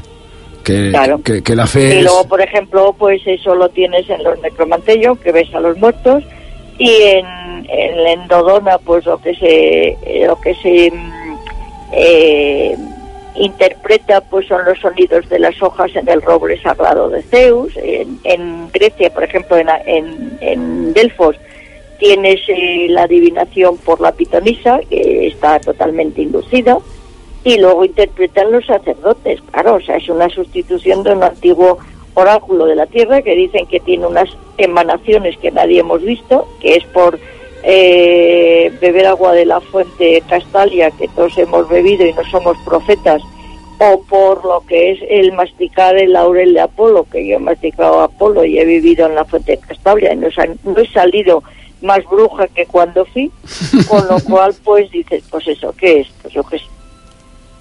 Al final es que no sabes lo que es, pero el caso es que en Grecia pues existe toda, toda, toda, y lo veréis que tenemos hasta la geografía de la, del Hades, que es una preciosidad. Sí. Ahí está el templo de, de Poseidón en Tanaro, tienes los templos en Argólida, tienes en Cumas que tienes la ruta de la Sibila, donde también se accedía al Hades, tienes el río Aqueronte, que está en el Épiro, es una preciosidad. Pero precioso, pero claro, tenían toda una mitología de lo que eran los, los lugares del Hades, que para entrar al Hades, que es impresionante. Y de ellos, eh, nuestra civilización, respecto a este tipo de, de, adivinaciones y similares, ¿hemos heredado, entre comillas, algo? O, ¿O no tiene demasiado que ver sus sistemas con los actuales? Hemos, hemos heredado todo, el echar las cartas, el lanzar los, los dados al aire, el sacar la paja más corta, y siempre es lo mismo. Hasta esto de sacar la, el palito más... Todo, todo, claro, si hay sistemas de adivinación, incluso de, yo, y además yo tengo yo uno en casa, eh, que es con una perindola. Según te caiga la perindola, pues te sale positivo o negativo, pero además que todo el mundo hemos hecho adivinación. ¿Tú alguna vez cuando has hecho unas cosas me has dicho, saca la moneda a ver qué te sale? Sí, el... Pues eso está chupado. O sea, hemos adivinado por la forma eh, más tonta del mundo. O sacar la página, la paja más corta o más larga o, o lanzar la moneda al aire. Sí, Sí, la verdad es que sí. Y luego en, en Grecia, la magia negra. Y la magia negra es todo esto. Bueno, son, eh, por ejemplo, en el Museo del Cerámico en Atenas tenéis los muertecitos de 5 o 6 centímetros metidos en, sarcófagos de plomo, atados, eh, retorcidos, quemados. Algunos tienen un muerto de un dedo de un muerto dentro, en fin, correrías varias. Barrerías varias. Eh, explico? Sí, sí, sí, no, desde luego. Y, y para ir acabando eh, con este pequeño resumen de, de, lo que va a ser el, el, ciclo de conferencias que va a dar los próximos días 4 y 5 de diciembre en la sede de la UNED, eh, nos vamos a, a Roma. Roma, dioses, ritos y supersticiones y ahí sí que ya entraríamos en una cosa ya más, más próxima, ¿no? Un poco en, en cuanto a, a lo que es la, la cultura actual nuestra, al menos la, la, mediterránea. Pienso yo, no lo sé, igual me equivoco. Es siempre lo mismo. Bueno, sí, la verdad es que sí que siempre lo mismo, pero es que ya aquí hasta, hasta los dioses los dioses menores un poco sí que ya tendrían el equivalente más directo a los santos quizás, ¿no? Y, y... ¿Cómo que? Mira, Isis, que estábamos en Egipto, pasa a Roma, y entonces es la Virgen María, toda la iconografía incluso. Claro. O sea, que está todo tan liado que no puedes decir que sea Egipto, Grecia y Roma, nada es específico. Sobre todo en los grandes, por ejemplo, la diosa madre eh, egipcia, pues pasa luego a la iconografía cristiana, toda la iconografía de Isis dándole el pecho a Horus niño.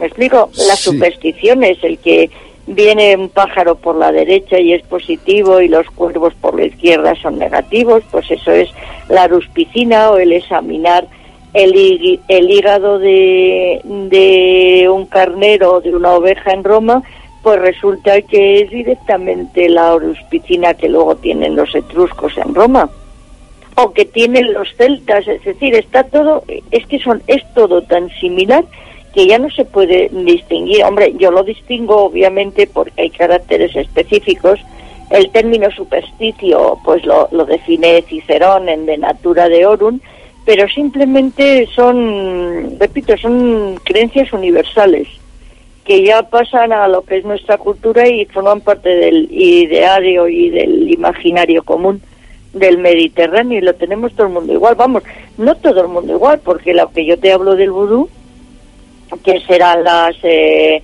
los textos de secreción egipcios o que son la, magia helenística que, de las figurillas atadas y destruidas o quemadas incluso, pues esto lo tienen en, en, en Cuba en el vudú, en Hispanoamérica, y eso no significa que haya una transmisión, sino que simplemente es una es un poligenismo, eh, siempre se hace lo mismo en todas las culturas. Es la obedece lo que es la, la el, el de Global Mind, ¿no? A una conciencia universal que forma- está en el ADN de la raza humana, que siempre reaccionamos de las mismas formas. E incluso lo de los zombies, es que es curiosísimo. Claro.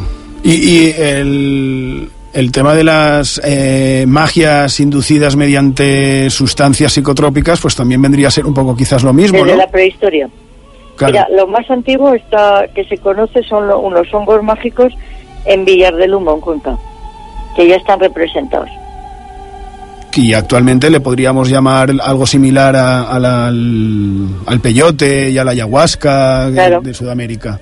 Claro. Que al final no es más que... Date cuenta que lo que es la, la, la amanita, eh, me parece que es la muscaria, que Sí. es la de los enanitos, pues esa es una seta alucinógena.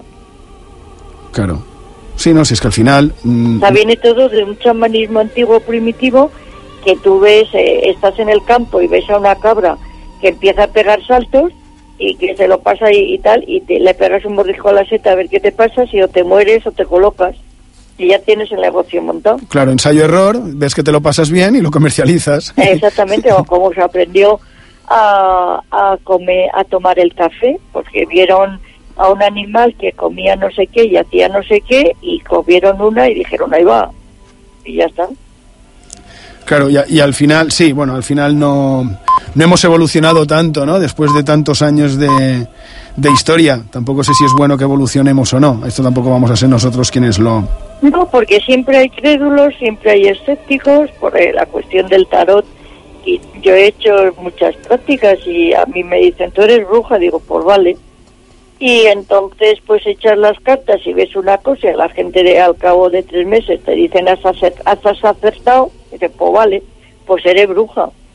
Al- Unos tienen más sensibilidad, ven unas cosas, otras otras, es decir, que es todo muy complejo y, y claro, a mí lo que me molesta es esto, la gente que te engaña y que, por ejemplo, pues eh, yo he tenido amigas que han estado en manos de, de echadoras de cartas o brujas y tal, que las han tenido de esclavas. Es, eh, A mí ahí, eso me da mucho miedo, sí, sí, sí. Pero es que es que se necesita, es decir, eh, todas las angustias de la gente, igual que funciona, por ejemplo, la medicina placebo, Chema. claro. Cuando yo he dado un curso de magia en el mundo antiguo, pues las he dado eh, y, y- y, mm, co- eh, conmigo pues eh, colaboran ingenieros de telecomunicación, profesores de mecánica cuántica y, y médicos. Y entonces el médico pues te, dice efectivamente que el médico cura no solamente con el con lo que es la medicina, sino que cura con la magia de su mano, porque la mano del médico te cura y el médico no es un mago, simplemente te curas tú mismo porque te tienes que curar, pero lo atribuyes a la mano del médico, a la medicina que te da, que es un placebo, que no vale para nada.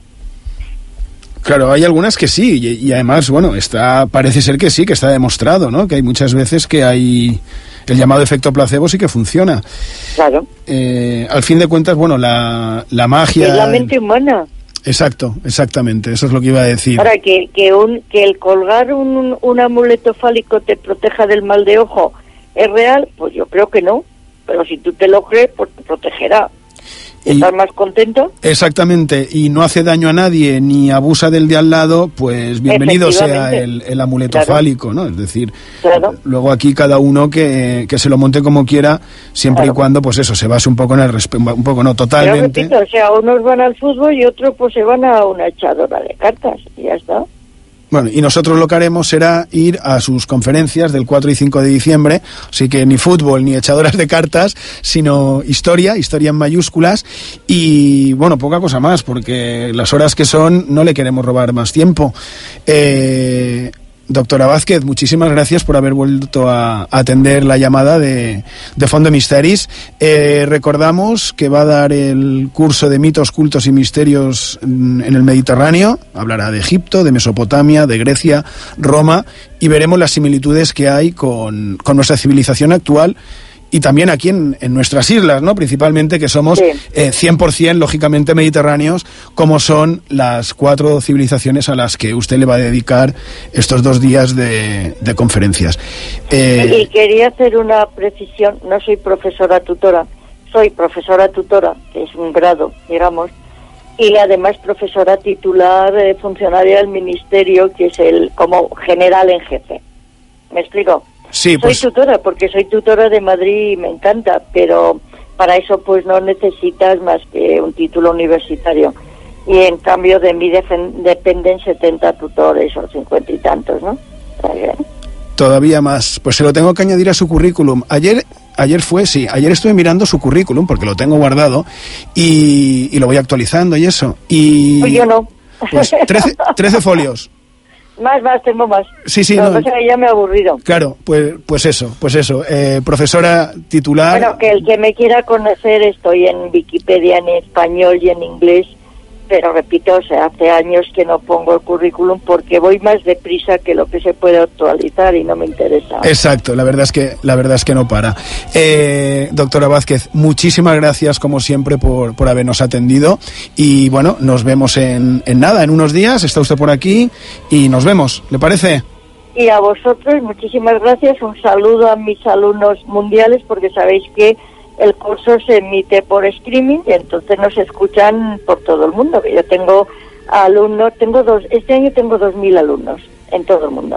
Casi nada, casi Así nada. que fíjate, y como tenemos internet, pues nos escucha todo el mundo, pues igual que a vosotros, Chema.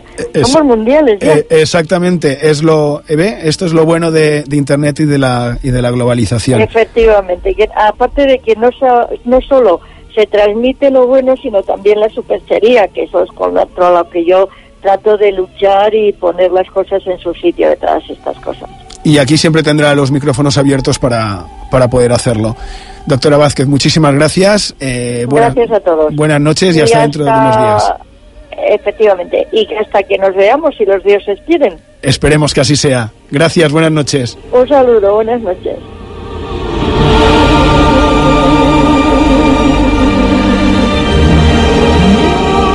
A IB3 Ràdio, Font de Misteris. IB3 Ràdio, la ràdio autonòmica de les Illes Balears.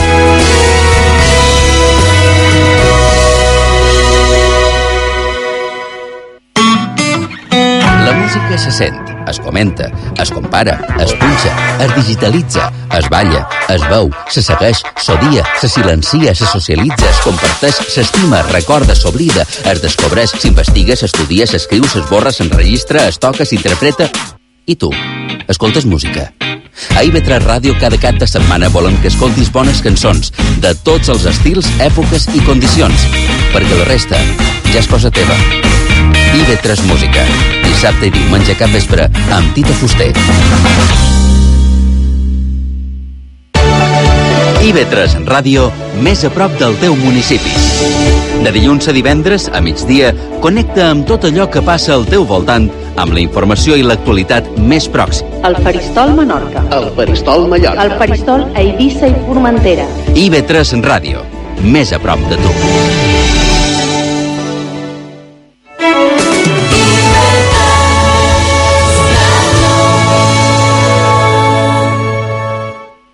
Font de Misteris, amb Xema Font.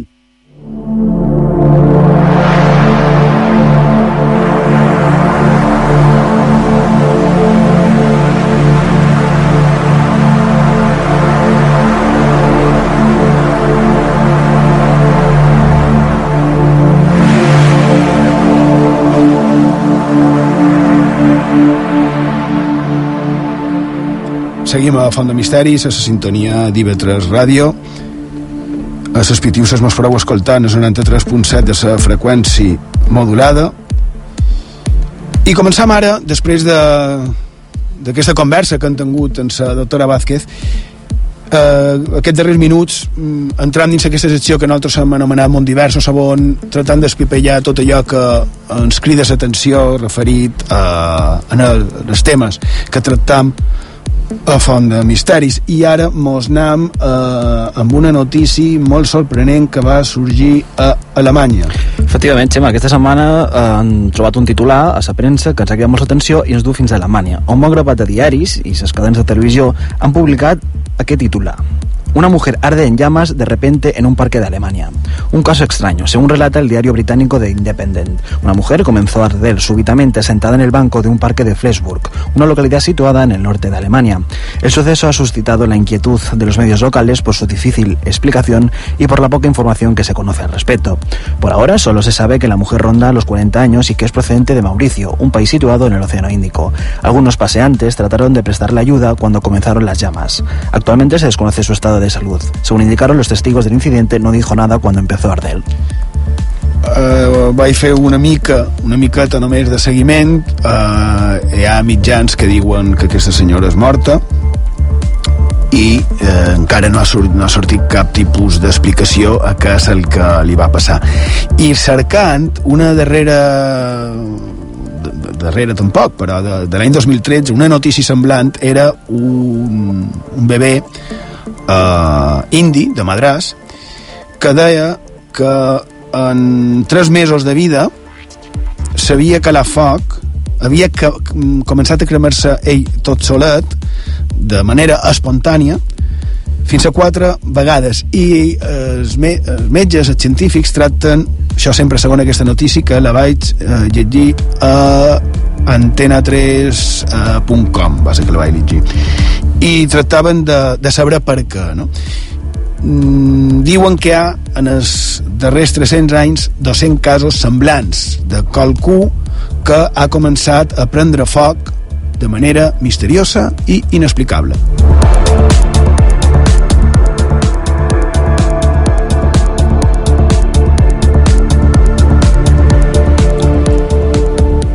I si ara, ara en, en Borja m'ha fet un petit comentari. Uh, el cas de, que va su, suposadament succeir a Mallorca d'un cas de combustió espontània en principi, que va sortir també a, a premsa i a televisió jo el vaig investigar personalment, vaig estar parlant amb la família on s'havia produït el fet, però hi havia una diferència, que era un suposat cas de combustió espontània d'un matalàs, no era afortunadament d'una persona. Hi havia una persona damunt d'aquest matalàs on es va produir aquest incendi. Però només se cremava es, es matalàs. Només se va cremar el matalàs, principalment perquè aquesta persona que estava damunt del matalàs se va aixecar i se va llevar. Uh, damunt d'aquest tema dels diré que encara que la premsa va publicar que era que estava fet d'un material ignífug eh, he de dir que jo vaig eh, arrabassar un bocí d'aquest matalàs amb en aquella família, en aquella casa, el tenien a darrere un, un petit hort, perquè això va succeir a un poble de Mallorca, i, i a darrere tenien un petit hortet, vaig anar, vaig agafar un bocí desmataràs, que efectivament estava bastant cremat, vaig arrebassar un bocí, era d'una mica com d'espuma, escuma, làtex, un material semblant, li vaig donar encenedor i va prendre com si fos un, un bocí de cotó empapat en, en benzina. Vull dir que mm, jo personalment vaig descartar l'opció de combustió espontània. Altra cosa és aquesta senyora que malauradament sembla que, que és morta o aquest nin de madràs que, que pobret, eh, en qualsevol cas, sí té un, un patiment físic. No?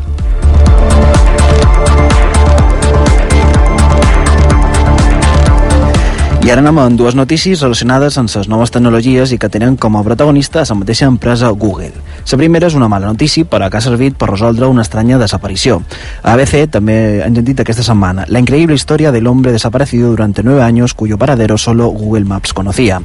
David Lee Niles desapareció el 11 de octubre de 2006 cuando decidió ir en su coche a tomar algo a un bar de Bryan Township, en Michigan.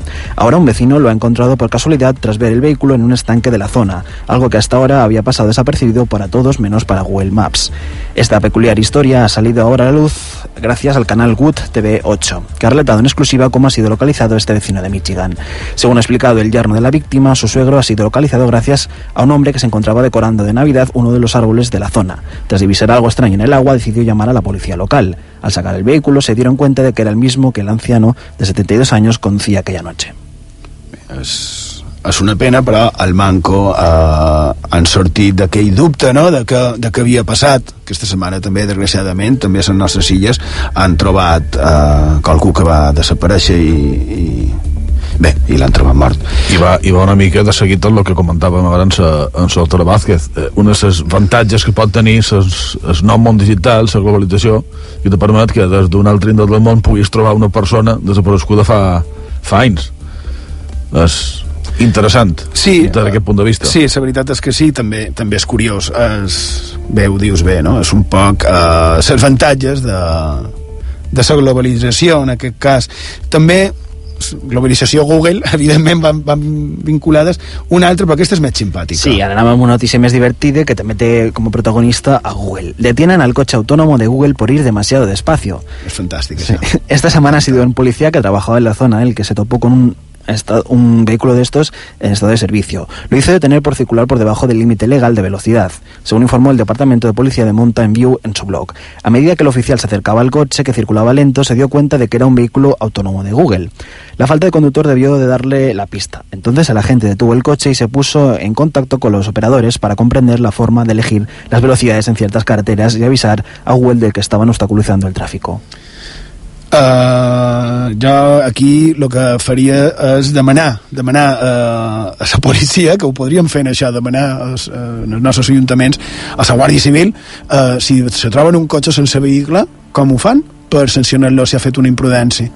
Per motiu que sigui, perquè no hi ha conductor que posaria que no firma perquè s'absent perquè no existeix, no hi ha identificació aquí, Podria- aquí multarien a Google. Si el cotxe és seu, probablement sí. Sí, és lo mateix, és lo mateix si no identifiques Com aquest dia s'ha estat en el carnet del cotxe, que van contar la setmana passada, el normatiu diu que es, es, el propietari, si no s'identifica, titular, sí. evidentment, evidentment, si no s'identifica eh, en el conductor del vehicle, per defecte eh, seria eh, es- eh, eh, el propietari del vehicle, però clar, en aquest cas no és que no s'identifiqui, és que no és, o, o que són un grapat d'enginyers que ho han fet, no? Bé, no deixa de ser I simpàtic. d'així se poden partir la multa. multa. Entre tots, sí. entre tots. Bé, crec que Google té suficients sous d'obvers com per pagar una multa de trànsit.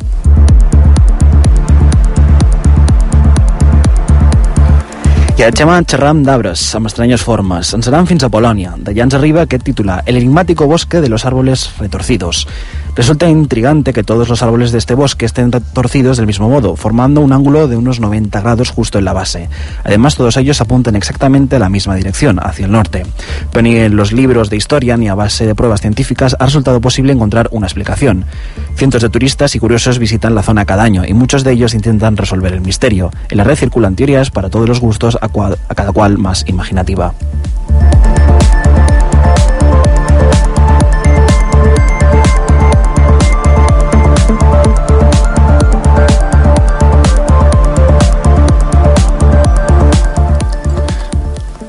Veure, tenim uns sabres eh, tombats a la base, és a dir, que farien com si fos una L. Eh? A la, a la part de baix estiria arran d'en terra, a mig metre, un metre, i després puja més en, en vertical.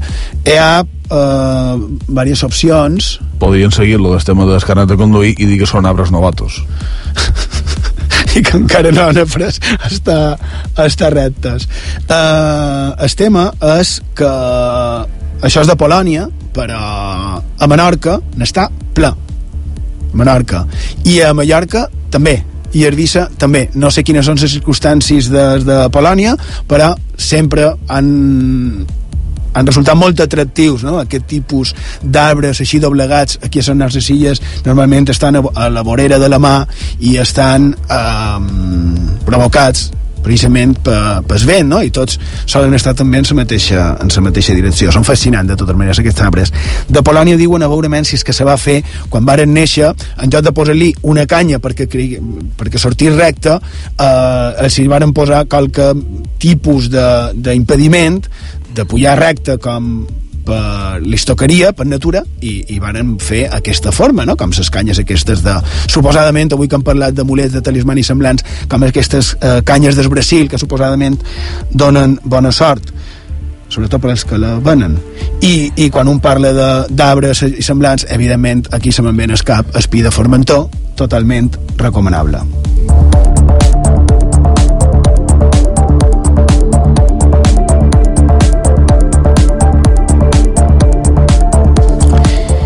Ara que mos anem a una altra que també tenim per aquí apuntada, ja que parlàvem de, de Google i de la globalització d'internet, per un fenomen viral.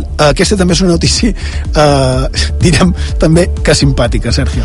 Sí, tant, eh, és una notícia que ens ha quedat molt atenció, Xema, perquè 20 minuts llegíem Betty, la gallina que tuitea de verdad, tiene 25.000 seguidores. La cadena australiana de restaurantes Chicken Thread ha optado por dar un giro a su estrategia de marketing en las redes sociales y ha puesto al frente de su cuenta de Twitter a Betty, una gallina que envía tweets escritos desde un teclado con su pico y sus patas. El animal lleva desde el pasado 7 de octubre tuiteando mensajes ininteligibles. Lo más cercano que ha escrito es una palabra como boom, pero muy compartidos en Twitter donde ya supera los 24.600 seguidores. I de dir que aquesta notícia que posava 24.600 seguidors eh, ara està a prop dels 38.300 seguidors una gallina que eh, tuitea. Lo vas que pots veure el vídeo i veus la gallina damunt del teclat fent voltes. Sí, pe i pegant copets en so... Podríem substituir-la per... Tal vegada seria encara més eficient que en Sergio, trobes? Podria ser. Sí, podríem fer podríem fer la prova. Uh, fins, que, fins que aquest moment arribi, en Sergio és que s'encarrega de, de les xarxes socials. Uh, bé, feim la darrera pausa i ja, i ja han de partir. A IB3 Ràdio, Font de Misteris.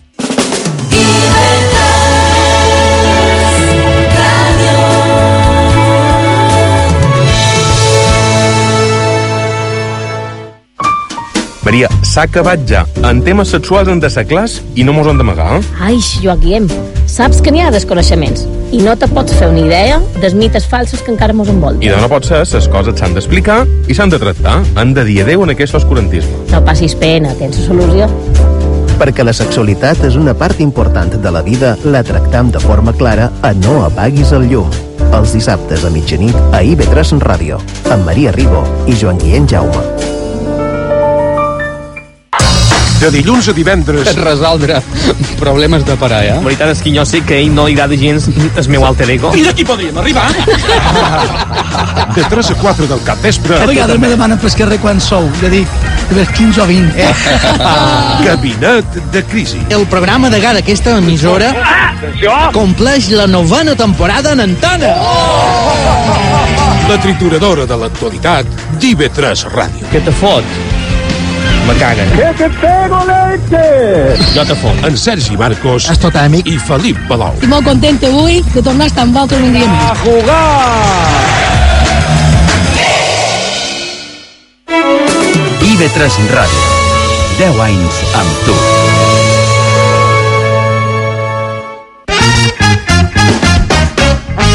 Què s'ha pogut escoltar a IB3 en ràdio? Quin tema s'han tractat? Quines veus han passat pels micròfons de la ràdio autonòmica? Pep Díaz i l'equip de programació de la ràdio autonòmica revisen 10.080 minuts de ràdio i ho condensen a 7 per 24. 7 per 24. Diumenge a les 11 del matí a IB3 Ràdio. IB3 Ràdio. La ràdio autonòmica de les Illes Balears.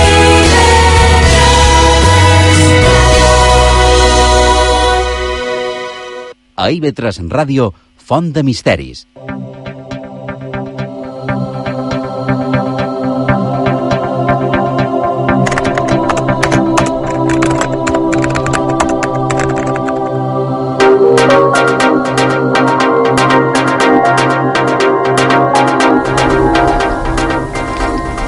Seguim a IB3 Ràdio, a Font de Misteris. A Mallorca mos podeu escoltar a 106.8 de la freqüència modulada i a través de les xarxes ara en, en Sergio mos explica com podeu contactar amb nosaltres. I de segon ens podeu enviar tot allò que vulgueu eh, cercant, eh, cercant-nos a les xarxes socials de Facebook i Twitter cercant Font de Misteris en el correu electrònic del programa fontdemisteris arroba ivetradio.com el WhatsApp 659 16 69 52 i també a Instagram cercant Font de Misteris i Vetres. Recordar que encara que no solem tenir temps per eh, transmetre els vostres missatges, eh, tots són contestats. Eh, els bons i els no tan bons, també. Tots sempre els contestam i gràcies per estar eh, a l'altra banda i per seguir eh, contant-nos les vostres coses.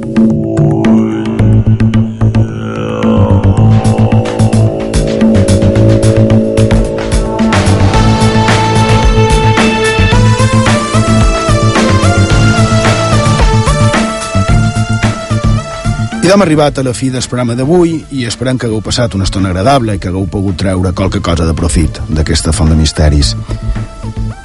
I bé, la veritat és que, és que estem trist, trist per el que va passar, perquè, per el que encara està passant, per el que segueix succeint, i principalment perquè hi ha famílies que, que ho pateixen, no? hi ha ferits que segueixen hospitalitzats.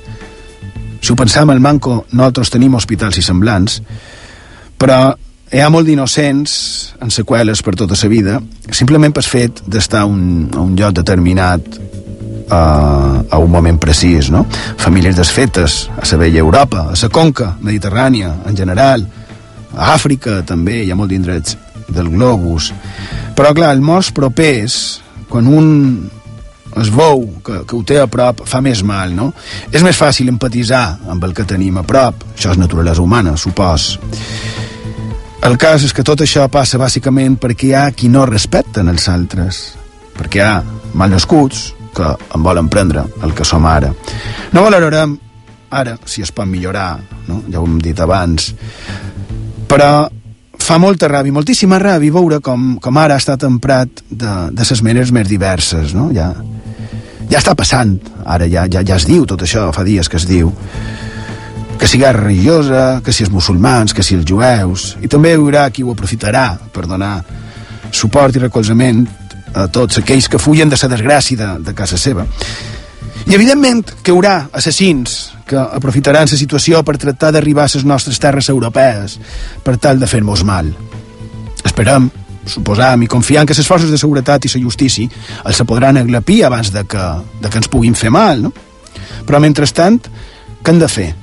Limitar l'entrada a, a tots, no? fer encara més mal i produir més patiment, en, es, en aquest cas en els més febles, perquè, clar, si deixem entrar els refugiats, igual entre ells entra qualcú amb, amb intencions funestes, no? Pot ser, no dic jo que no, no ho sé. Però sabeu que a les nostres costes, sí, aquí, a les nostres illes, arriben barquetes i no se sap qui ha arribat en elles?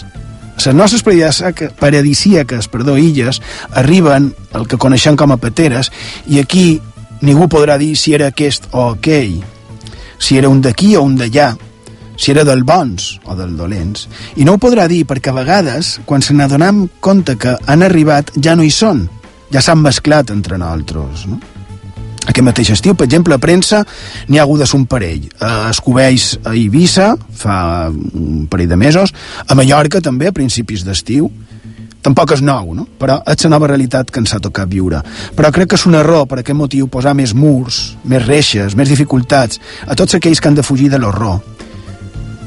Imagineu la situació contrari un moment. Ha de ser horrible, inimaginable, haver de fugir d'uns assassins i que et prenguin a tu mateix com un assassí, no?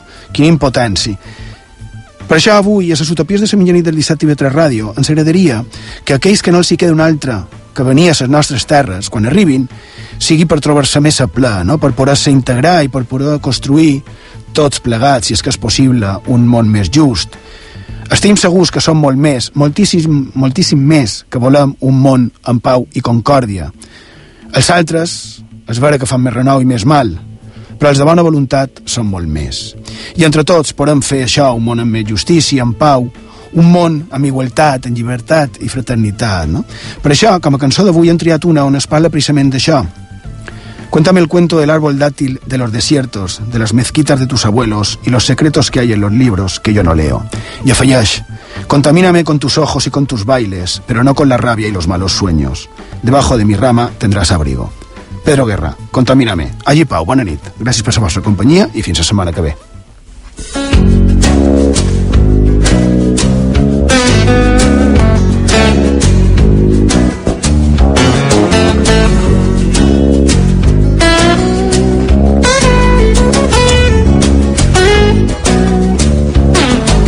Cuéntame el cuento del árbol dátil de los desiertos, las mezquitas de tus abuelos. Dame los ritmos de las barbucas y los secretos que hay en los libros que yo no leo. Contamíname, pero no con el humo que asfixia al aire. Ven, pero sí con tus ojos y con tus bailes. Ven, pero no con la rabia y los malos sueños. Los labios que anuncian besos. Contamíname, mézclate conmigo.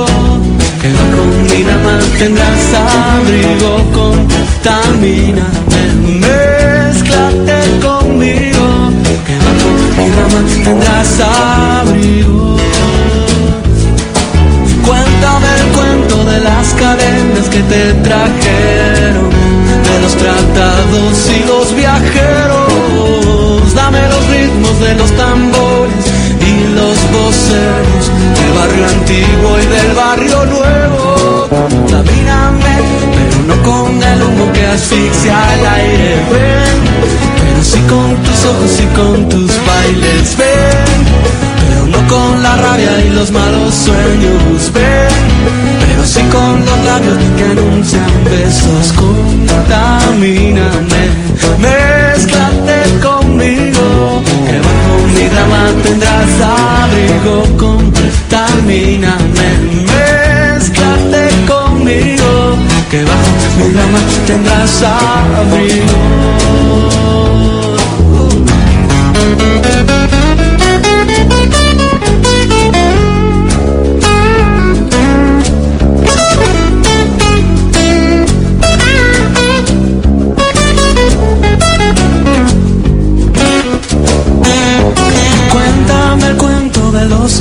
Que se descubrieron, del río verde y de los boleros. Dame los ritmos de los buzukis, los ojos negros, la danza inquieta del hechicero. Contamíname, pero no con el humo que asfixia el aire. Ven, sí con tus ojos y con tus bailes. IB3 Ràdio.